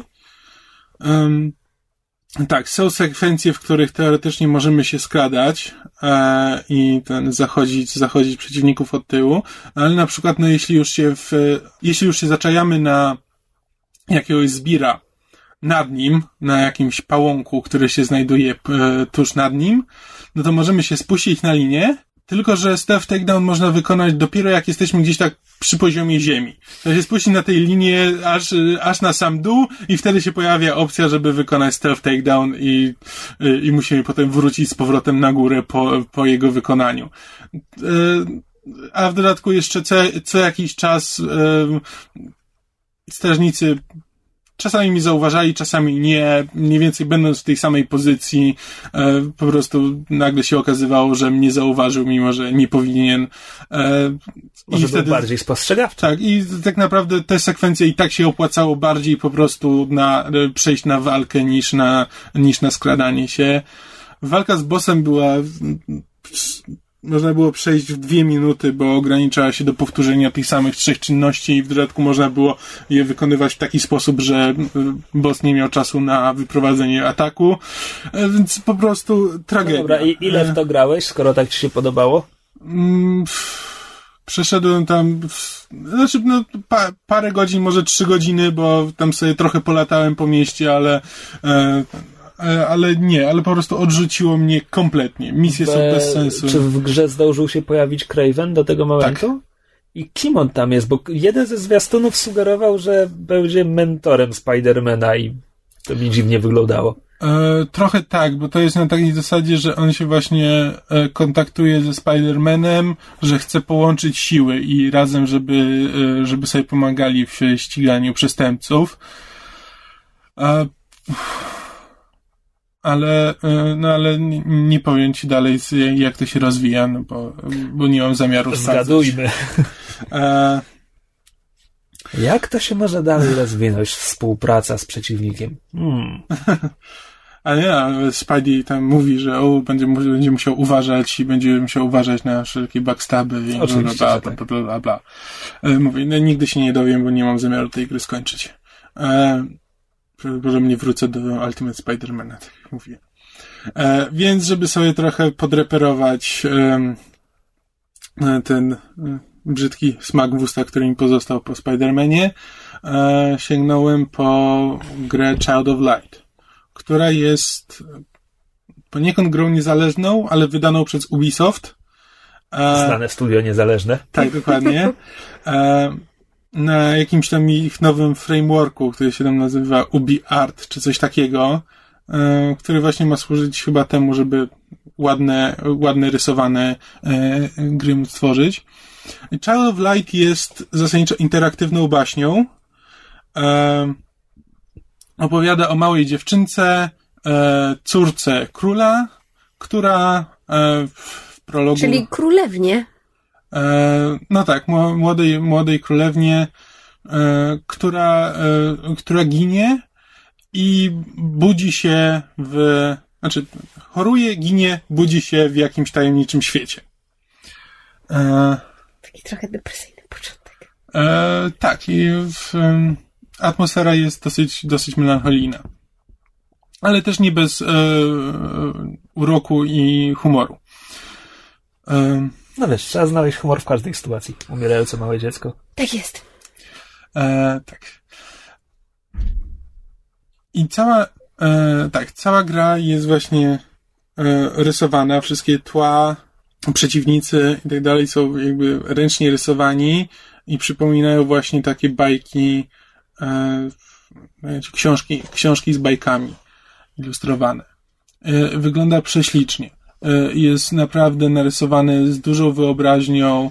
E, wygląda, wygląda to fantastycznie. E, I to zarówno w tym znaczeniu, że fantastycznie jako wspaniale i fantastycznie jako, jako coś, czego, czego w, w realnym świecie nigdy nie zobaczysz i wymaga dużej wyobraźni, żeby, żeby stworzyć. Wszystkie dialogi są pisane wierszem wszystkie postacie się porozumiewają tak e, e, wierszami, co jest też e, całkiem fajny potem motyw, jak się spotyka bła, e, błazna z jakiejś trupy, który nie potrafi mówić wierszem i za każdym razem wybiera e, wybiera to nie, nie, jakieś nieoczywiste słowo, które się, nie, które się absolutnie nie rymuje z tym, co, e, z tym, co, czy, z czym powinno i inne postaci muszą mu podpowiadać. Dobra, czekaj, ale I mówisz tak. interaktywna baśń, jak, jaki tam jest gameplay właściwie? Gameplay jest taki, że w podstawowej ja pamiętam, warstwie... że widziałem zwiastun tego, to jest taki side-scroller. Tak, w podstawowej warstwie to jest side-scroller, platformówka, w której właśnie biegamy tą dziewczynką, później możemy nią jeszcze latać. What's a side-scroller? Latać sobie Mario e, na przykład. No, znaczy, A, w sensie, dwu, dwuwymiarowa gra, gdzie biegniesz w prawą stronę, a ekran się przewija. Em, e, I tak, biegamy tą dziewczynką, potem możemy nią latać. Ona jeszcze tam spotyka e, małego świetlika, e, który, który jej pomaga i jakby ten prawą gałką kierujemy tym świetlikiem, który tam, którym można e, oślepiać przeciwników i zbierać e, zbiera, zbierać tam znajdźki, takie tam punkty, Czekaj, czyli punkty na- magii naraz, i naraz zdrowia. sterujesz bohaterką i świetlikiem? Tak. Jak w braciach? Znaczy, no, jakby to sterowanie świetlikiem zazwyczaj nie jest szczególnie potrzebne, tylko to, to, jest jakby tak poboczne dodatkowo. No i tam właśnie w tej warstwie side-scrollerowej możemy tam biegać, rozwiązywać łamigłówki przestrzenne różnej maści. I, ale jeśli na, wpadniemy na przeciwnika, to zaczyna się walka turowa a la Final Fantasy.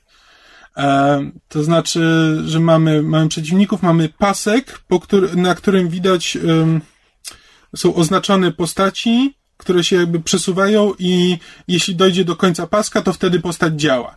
I bo to polega na tym, że używając tego świetlika można spowalniać innych przeciwników, e, a jeśli się im przeszkodzi w trak- e, kiedy oni próbują zadać cios, to cofają się na tym pasku i to, jest e, taki element, element taktyczny walki, który jest bardzo fajnie, bar- bardzo fajnie zrobiony i bardzo dobrze działa w tym, tej mechanice. No ale tak, ale poza tym, no to y, walczymy właśnie z potworami w ten sposób, że wybieramy po prostu akcje, e, mamy tam różne ataki, mamy drzewko umiejętności, bo zdobywamy doświadczenie i zdobywamy nowe, nowe umiejętności, nowe zdolności, zdobywamy nowych e, popleczników, którzy też mają swoje ataki specjalne.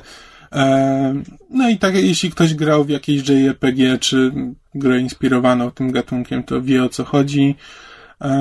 Ale zasadniczo to jest tak, to jest walka turowa, która jest bardzo fajnie zrobiona, bo ja z zasady nie jestem wielkim fanem tego, tego typu gier. Ja nie, nie lubię e, tego typu walki.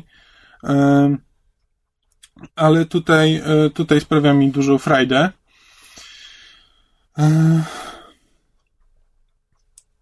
No I i ile w to już grałeś? E, no, dwie godzinki może do, dopiero, dopiero tam zacząłem.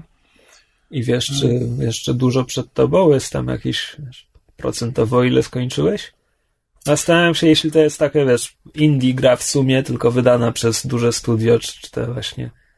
Znaczy no, przez te tam, nie wiem, dwie, trzy godziny, które pograłem, no to już jestem na jakimś siódmym, ósmym poziomie.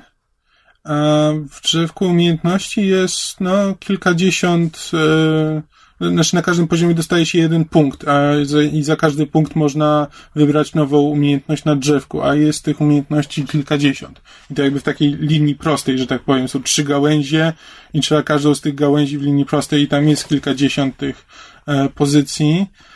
E, więc no, powinno wystarczyć na jakieś, na jakieś przynajmniej 8 godzin. E, ale no, to jeszcze nie wiem, bo nie sprawdzałem, ile ta gra trwa zazwyczaj. E, no, ale to jeszcze się może wypowiem, jak skończę. Bo jak na razie mnie naprawdę urzekła. Tym, jak wygląda, tym, w jaki sposób są napisane, napisane te bajki, atmosferą, muzyką, jakby ogólną wyobraźnią, z jaką to zostało stworzone wszystko tam współgra, żeby stworzyć właśnie taką lekką melancholię, tak właśnie atmosferę jak z takich bajek, bajek dla dzieci, no, które nie mają być stuprocentowo, stuprocentowo radosne. No nie wiem, czy to mały książę, czy coś takiego, gdzie jakby, no to jest bajka dla dzieci, jest dużo humoru, ale też jest gdzieś tam pod spodem e, cały czas jest ta, jest ta lekka melancholia, lekka depresyjność, ale taki, taki smutek. E, podszy, podszyty takim lekki, lekkim smutkiem, ale, e, ale, jest, ale jest kolorowo i radośnie z drugiej strony, więc to naprawdę, e, naprawdę fajnie ze sobą współgra i rzeczywiście ja mam wrażenie, że, że uczestniczę w baśni. I to im, to im bardzo dobrze wyszło. I bardzo, bardzo polecam, bo, bo robi duże wrażenie. Od, od czasu Brothers e, nic tak na mnie nie zrobiło wrażenia e, w kwestii gier komputerowych, szczególnie, że ostatnio jakoś niewiele wychodzi nowych rzeczy, jakoś nie, nie mogę nic dla siebie znaleźć. Jakiś nowy Call of Duty niedługo będzie. Skończyłem powtórkę z Mass Effecta. Mówiłem, uf, już pewnie parę miesięcy temu będzie, że zacząłem powtórkę z Mass mhm. Effecta. Nie spieszyłem się. E, no i ja uwielbiam tę serię. Mówiłem to już chyba w podcaście, chyba mhm. też mówiłem, że jeśli jacyś internetowi archeolodzy znajdą gdzieś w internecie moje długie, długie wypowiedzi o tym, co w tych grach jest nie tak i powinno być lepsze, to, to tylko dlatego, że one mi się bardzo podobają, ale zawsze tam czegoś im do mhm. ideału brakowało. A, no i nie bardzo wiem, nie bardzo wiem, co mogę odkrywczego powiedzieć o, o Mass Effectie, o którym powiedziano i napisano już strasznie dużo ale chciałbym go porównać do Dungeons, nie CBRZ, do Dragon's Age. Bo próbowałem zagrać w Dragon's Age pierwsze też jakiś czas temu, całkiem niedawno, i mówiłem w podcaście, że się znudziłem na śmierć dość szybko. Jakby zajęło, znudzenie się Dragon Age'em zajęło mi parę godzin. E, I paru słuchaczy się zdziwiło wtedy. No i Dragon, Dragon Age prezentuje nam świat, który jest tak boleśnie wtórny, znaczy, no to mamy, mamy świat fantazji, w którym jest magia, są elfy, krasnoludy. I jest wielkie zagrożenie, które trzeba powstrzymać. Wielkie zagrożenie jest tak strasznie nudne. Tu akurat jest element wspólny z Mass Effectem, bo Reaperzy są cholernie nudnym zagrożeniem i są straszni. I to, że oni indoktrynują ludzi i każde głupie zachowanie złego przeciwnika można potem uzasadnić tym, że bo to jest indoktrynacja i tak dalej, jest strasznie nudne. A potem jak jeszcze jest powtórzona kropka w kropkę konfrontacja w pierwszej części z Sarenem, w trzeciej części z Illusive Manem, z dokładnie tymi samymi argumentami i dokładnie mm. tym samym rezultatem, no to już w kulki sobie leci BioWare. Ale okej, okay, Mass Effect 3 ma, ma różne problemy, mniejsza z tym, mówimy o jedynce. E, I właśnie tutaj, jakby um... po przejściu całej trylogii, ale już po drugiej części jakby ja byłem bardzo zżyty z tymi postaciami. To jakby te postaci poboczne były główną zaletą tej serii. Ale to nie jest prawdą w pierwszej części. Bo w pierwszej części tak naprawdę tych interakcji z ludźmi z załogi wcale nie ma tak wiele. Tam jakby co, po każdej jakiejś głównej misji, kampanii są nowe trzy zdania, które można z nimi zamienić. To mniej więcej tak wygląda. Do tego czasami w trakcie misji są jakieś tam rozmowy, zależnie od tego, z kim, z kim akurat biegasz w drużynie, ale jakby wcale to nie są jakieś złożone charaktery, tak? Da się ich polubić, ale, e, ale to nie jest główna zaleta pierwszej części. Pierwsza część niesamowicie prezentuje ten świat, który jest, który jest przemyślany, o którym, znaczy nad tym ktoś kombinował niewiarygodnie. Ja grając za pierwszym razem, y, czytałem wszystkie, wszystkie y, artykuły w tej growej encyklopedii, w kodeksie, ponieważ tam jest masa fajnych pomysłów, ponieważ tam widać w ogóle ile, ile myśli zostało włożone w ten świat. Tam są zresztą bardzo fajne pomysły, których nigdy się nie doczekałem w grach. Jest, chyba w drugiej części jest artykuł o wierzeniach Turian, z którego możemy się dowiedzieć, że e, wielu Turian przyjęło buddyzm, bo im się spodobał. Co mi się strasznie spodoba i ja strasznie żałuję, że w grze nie ma jakiegoś buddyjskiego Turiana, bo, bo chciałbym porozmawiać z kimś takim. W każdym razie to jest, e, to jest złożony świat, który oczywiście wykorzystuje całe mnóstwo klisz, żeby nie szukać daleko seksowne te niebieskie kosmitki, które tak naprawdę nie są kobietami, ale jakoś tak przypadkowo wyglądają bardzo zupełnie jak kobiety. Hmm. Niewiarygodne. E, I ten świat jest zaprezentowany pięknie. No, mówiłem jakby, że, że tak, że grając w to drugi raz e, dostrzegłem, że trzy czwarte dialogów to jest ekspozycja i grając to drugi raz to się już po prostu klika, żeby to szybciej minęło, bo, bo ja już to wszystko wiem, ja już znam ten świat. E, ale to jakby no, mam wrażenie, że bawiłem się równie dobrze tym razem, co, co poprzednio. Tym razem gram kobietą, co nie ma żadnego znaczenia dla fabuły. Poza tym, że niektóre opcje romansowe są, są zamknięte dla kobiet i na odwrót. E, I myślałem, że żeby zobaczyć tę jakby trochę inną wersję wydarzeń, że może teraz będę szedł w tę opcję renegata, bo ja mam zwyczaju, że jak gram w RPG za pierwszym razem, to zawsze gram aniołkiem. Nawet do bólu aniołkiem. E, tyle tylko, że w Mass Effectach jakby tak naprawdę jest jedna poprawna wersja wydarzeń. Znaczy, możesz na siłę, możesz zmusić grę, żeby pewne wydarzenia potoczyły się inaczej. To na przykład, to już chyba jest powszechnie wiadome, że gdzieś tak w trzech czwartych gry jeden z, jeden z członków drużyny, Rex, może zostać zabity, bo, bo się zbuntuje. No można do tego doprowadzić tylko po co? Jakby gra zdecydowanie wskazuje, że, że nie, nie, nie idź tą drogą.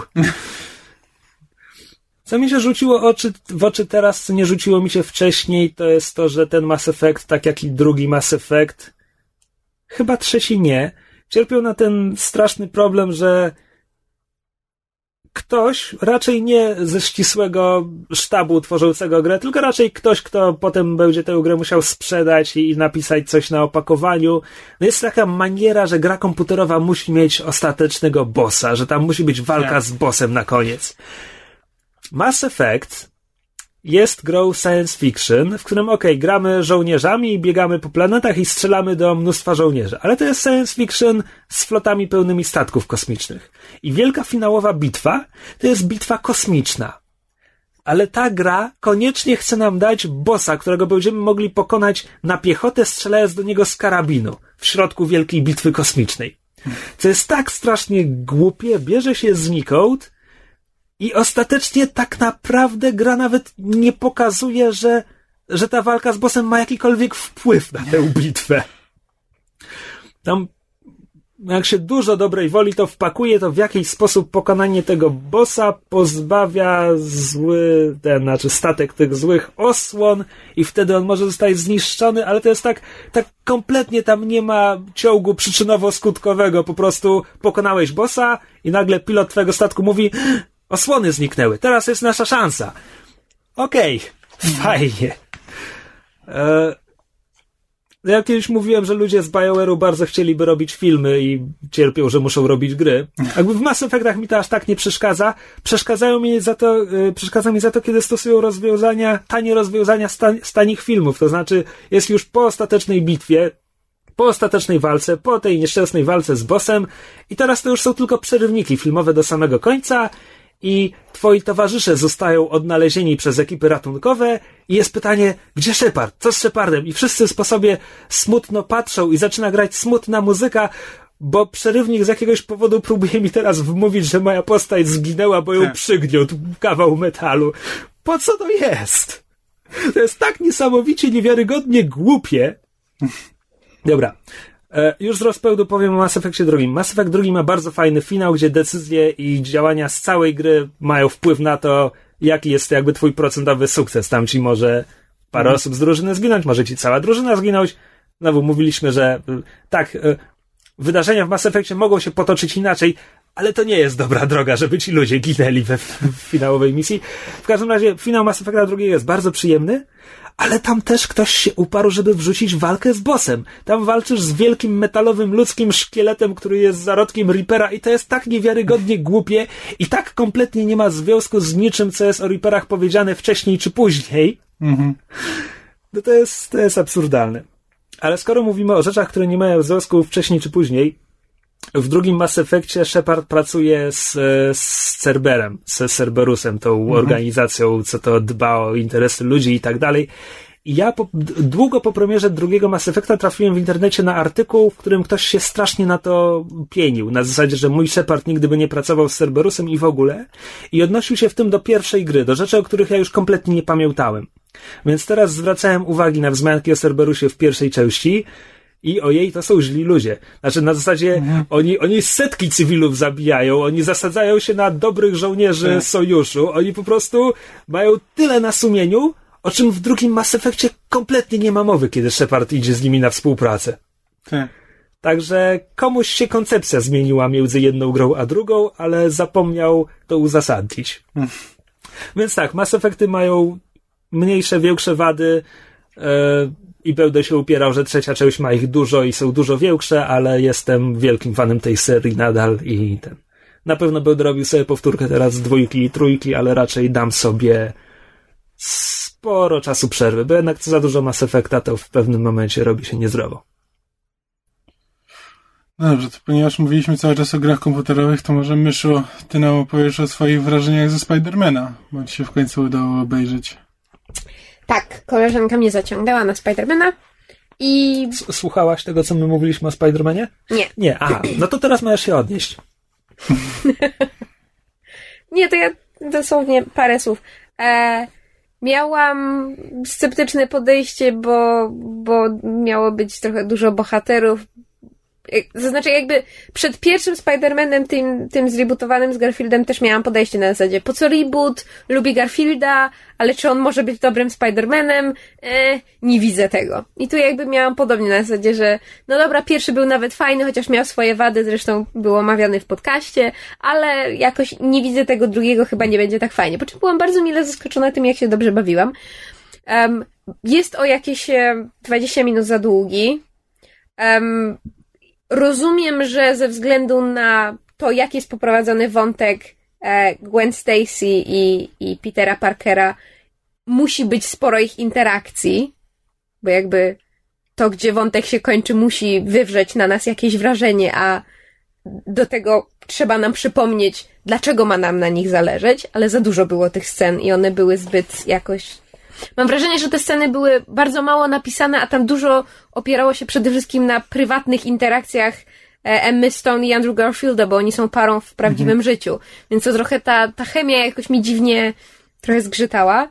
E, Dane Dian jako, jako e, się- Harry Osborn. nazywa? Dane Dian. Dean, idź ty z tym swoim Deanem. To była, ale no, to była, Dean Day, no to wielka, była moja wina, bo ja się upierałam wcześniej, że on się nazywa Dean Dian, ale potem Kamil stwierdził, że rodzice nie mogli go tak skrzywdzić, sprawdził w internecie, się okazało, że on jest Dane. Bo tak go mogli skrzywdzić. To już jest mniej krzywdzące. Cio. E, Dane Dian jako Harry Osborn był fantastyczny. Strasznie mi się spodobał. E, potem zresztą widziałam z nim wywiad w, w ten e, w Late Night Show z Jimmy Fallon i szalenie sympatyczny chłopak opowiadał o tym, jak, e, jak e, musiał przejść na, dwie, na dietę i ćwiczyć, żeby, żeby ten, żeby nabrać trochę masy właśnie do roli em, jakby w, w Spider-Manie i opowiadał, że, że potem jak już skończyli skończyli, nie, czy po, po czterech miesiącach takich treningów i diet y, trener mu powiedział, że słuchaj, że, że ty się tak, że tak powiem, katorżniczo trzymasz tej diety, może, może pozwól sobie na jakiś taki, wiesz, dzień, dzień dyspensy. E, I opowiadał, jak poszedł na hamburgery z żoną, wziął gryza hamburgera i zaczął płakać w knajpie, bo było takie dobre. Więc szalenie sympatyczny facet. Muszę nadrobić jego filmografię. Um, Ile on ma lat? Czekaj. Właśnie nie wiem, ale no, Nie, bo, może, bo, bo ja może się, młodożonaty, bo, no bo ja się zdziwiłem teraz, jak się dowiedziałem, że Andrew Garfield to jest starszy od nas. No.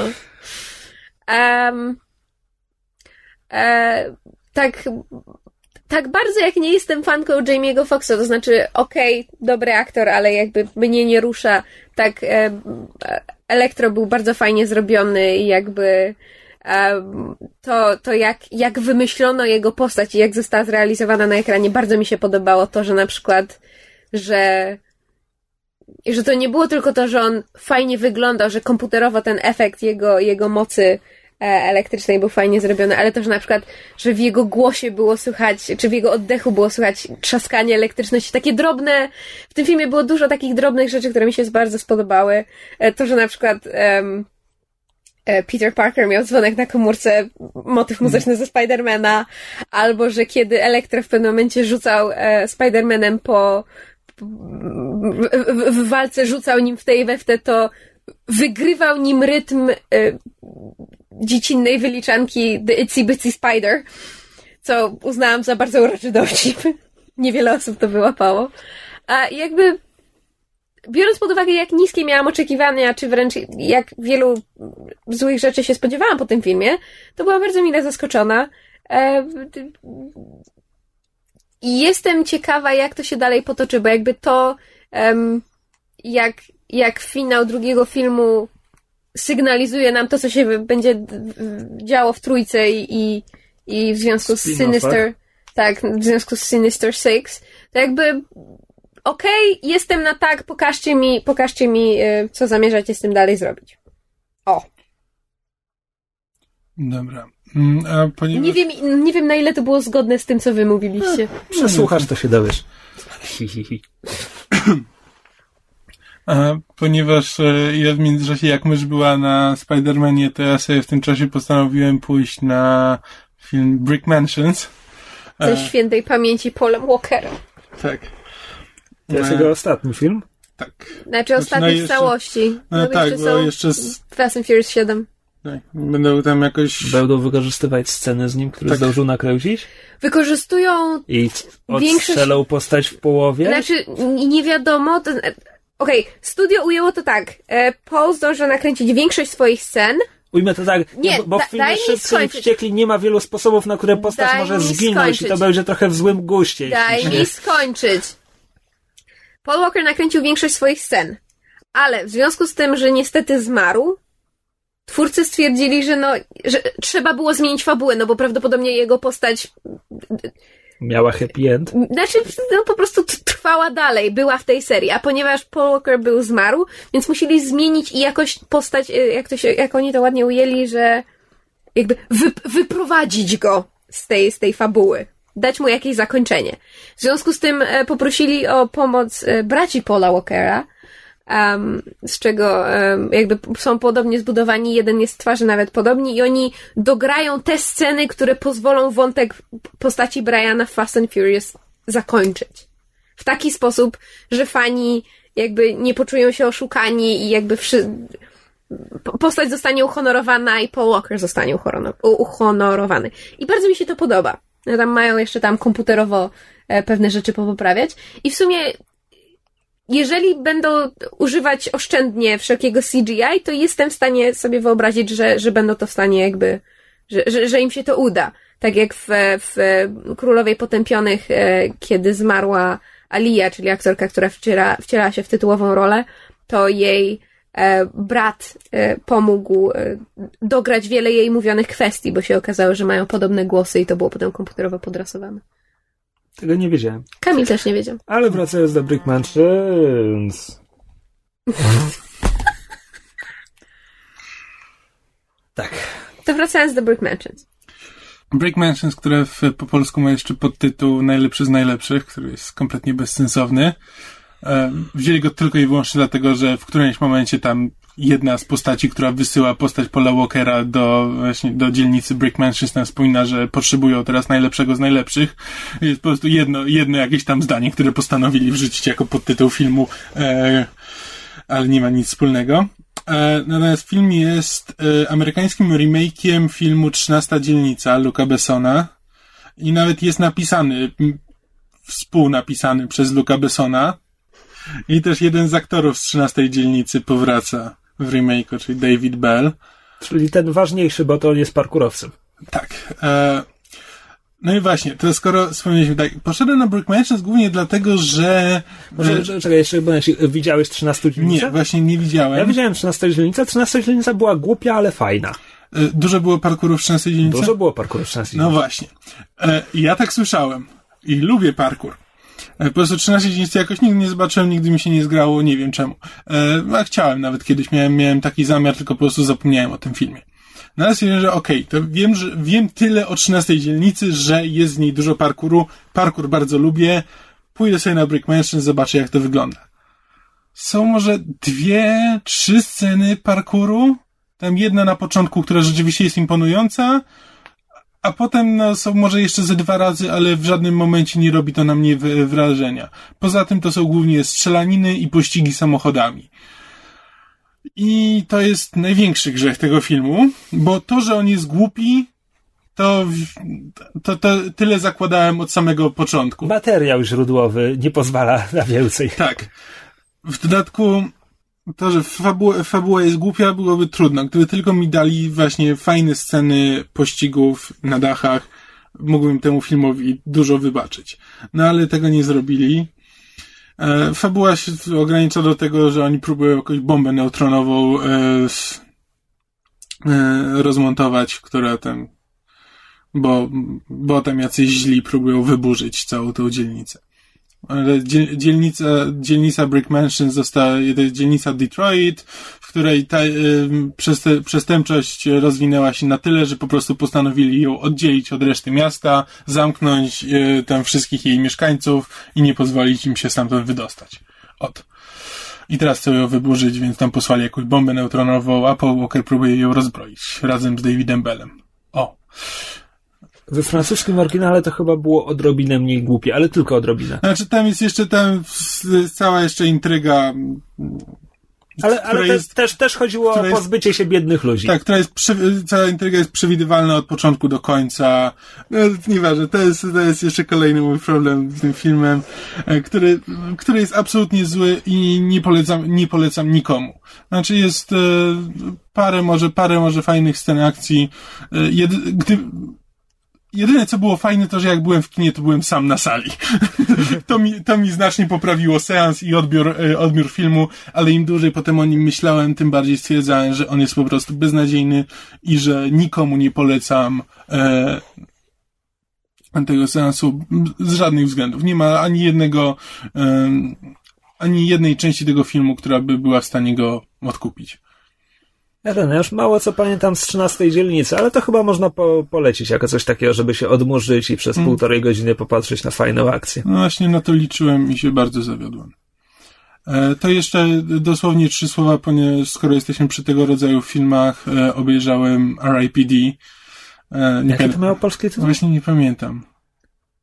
Y, Chyba jakiś ten tytuł z podtytułem, nie wiem No, jaki. tak, tak, było, było R.I.P.D., tylko jakiś podtytuł polski, ale nieważne. Mm, Mówimy o tych faceci w czerni, tylko że z umarłymi zamiast kos- z kosmitami. Też ekranizacja komiksu. Yep. Tak. Em, I to akurat jest rozrywkowy chaos. To też jest zły film, ale przynajmniej do kotleta e, mi go się przyjemnie oglądało. E, Przypomnij mi, tam jest Ryan Reynolds i Jeff Jeff Bridges Bridges. Jeff Bridges. i Kevin Bacon jako ten zły. I Mary Znowu? Louise Parker. I Mary Louise Parker. Tak, i jakby dla samej obsady od choćby warto, bo, bo to są bardzo sympatyczni aktorzy i e, dobrze się ich ogląda. Akcja jest głupia, ale, mhm, ale fajna, ale też jest, jest co pooglądać. No i tak, no, film zdecydowanie za bardzo stara się być facetami w czerni. Nie da się, nie da się wyłączyć tego, tego porównania. A mieliśmy już ostatnio nowych facetów w czerni i byli bardzo fajni. Ale tak, ale to zasadniczo tyle. Mówiliśmy już o tym filmie w podcaście, więc jakby co to odsyłam do poprzedniego odcinka. Ja tylko mogę powiedzieć, że jeśli ktoś jeszcze nie widział i ma ochotę na... odcinka. No jednego Znaczy nie poprzedniego, tylko jednego z poprzednich. No, Ty o tym opowiadałeś kiedyś. o zwiastunie, co ja mogę wiedzieć Tak? o filmie. Ja nie widziałem tego. A, Mówiliśmy o samym zwiastunie. Ha, okej. Byłem przekonany, że ty to widziałeś, że o tym opowiadałeś, nie wiem czemu. Umówmy się, zwiastun nie sugerował, że film kryje jakieś tajemnice i głębokie znaczenia.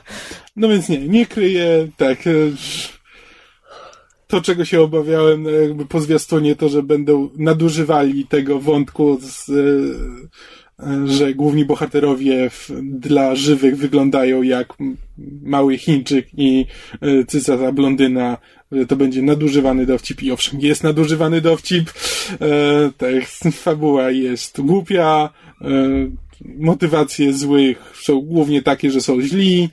E, no i tak, ale, ale, ale na ekranie dużo się dzieje i jeśli się nad tym długo nie zastanawiać, jeśli ktoś szuka czegoś do pooglądania w, w trakcie właśnie jedzenia albo robienia czegoś innego, proszę bardzo. Dobrze, to pora na e, rozwiązanie naszego konkursu na zwierzątko. E, I nie będziemy wam czytać wszystkich e, zgłoszeń, bo jest ich parę, ale chcielibyśmy przeczytać kilka. Które wpadły nam w oko. Znaczy, z, przynajmniej po jednej z każdej, od każdej osoby, która coś przysłała, ponieważ niektóre osoby przysłały kilka wersji. tak, próbowały być sprytne. Tak, ale my się tak nie dajemy. To tak, to przynajmniej, przyja- przynajmniej po jakiejś jednej opcji każdej osoby. Po czym zwycięska znajdzie się na końcu tego odcinka. Tam, gdzie jej miejsce. Tak, oczywiście. I skontaktujemy się z nim mailowo. Opcja pierwsza. Będziemy szczęśliwi jak karaluch na stosie apokalipsy, omiatający nieśmiertelnym wzrokiem śmierć. Tak, jedna, jedno z oryginalniejszych, e, jedno z oryginalniejszych zgłoszeń. Tak, brzmi niemalże jak e, jakaś mroczna poezja. Opcja numer dwa w formie wierszyka. Żegna się z wami świnka morska Ferdek. To taki mały wypierdek, który głodny jest zawsze, przez co nogi ma słabsze. Ma dużą nadwagę, czasami wykorzystuje moją nieuwagę, pokazuje swoją odwagę i wtedy patrzę z niedowierzaniem na tego łamagę, nad którym mam przewagę. Zawsze zjeść swoją zdobycz mu daję i nie opowiadam wcale żadnych bajek. Oto historia niezmyślona, może trochę zabarwiona. Tak, zgłoszenie niestety musimy, e, że zgłoszenie jest oryginalne, niewątpliwie, ale musimy je zdyskwalifikować, ponieważ nie wpisuje się w ramy pożegnania, ponieważ Tak. nie wpisuje się w ramy formułki na koniec, Ale doceniamy wysiłek. ale tak, wysiłek jest jak najbardziej doceniany. Dobrze. E, opcja numer trzy. E, wybór dowolny. Co? No w sensie w opcji numer trzy było więcej niż jedna opcja, więc wybieram te, które Em, będziemy szczęśliwi jak Psyduck, taki Pokémon, słuchający podcastu, łapiący się za głowę i powtarzający ajajaj. Będziemy szczęśliwi jak kaczka w oceanie popkultury, że dała radę nie wpadać na mielizny, w nawiasie, rekiny, ukośnik sztormy, kiepskich wytworów wyobraźni, różnych ludzi i zawsze wie, gdzie ma płynąć. To, jest, to nie jest zgłoszenie, to jest epopeja. To jest prolog powieści. Em, opcja numer cztery. Będziemy szczęśliwi jak panda zajadająca się bambusem. Mhm. Mhm. proste, do celu. Konkre- konkretne. Tak. Opcja numer 5. Wybór. Będziemy szczęśliwi jak czupakabra na farmie kus. Będziemy szczęśliwi jak nosorożec z katarem. Nie łapię tego. Ja też nie. But it's also a funny visual. If you think of the horn as a nose. Hmm. Jeszcze raz po polsku poproszę. Tworzy śmieszny obrazek, jeżeli wyobrazisz sobie, że róg jest ekwiwalentem nosa. Okej, teraz po czesku. To jest kurwa koncert życzeń. Blip. Dawaj dalej. E, będziemy szczęśliwi jak świnka morska na dnie Bałtyku. Co, co słuchacz temu zwierzęciu robi? Chyba, że w takim, w takiej, w takiej jak, jak są takie, takie plastikowe kulki, w których gryzonie czasami chodzą, to taka kulka tocząca się po dnie Bałtyku. To mi się podoba. Taki obrazek mam w głowie. E, I opcja ostatnia, jak wąbat na plaży.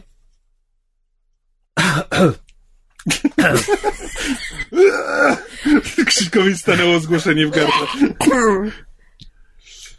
Z drinkiem parasolką. Dobrze, tak więc zwycięska, e, zwycięskie zgłoszenie będzie, e, będzie tym, które usłyszycie na koniec odcinka, a ze zwycięzcą, tudzież zwyciężczynią, chociaż chyba wszystkie zgłoszenia są od mężczyzn, skontaktujemy się mailowo. Tak, i gratulujemy wygranej. Tak jest. Brawo. Uuu, mini fala na twoją cześć, słuchaczu. Jest siekierka. I slow clap. O, A jak się wczułeś w tego slow clapa? No ba, w slow clapa nie da się nie wczuć. No. I to tyle. Dziękujemy za uwagę. Do usłyszenia w przyszłym tygodniu. Ciao!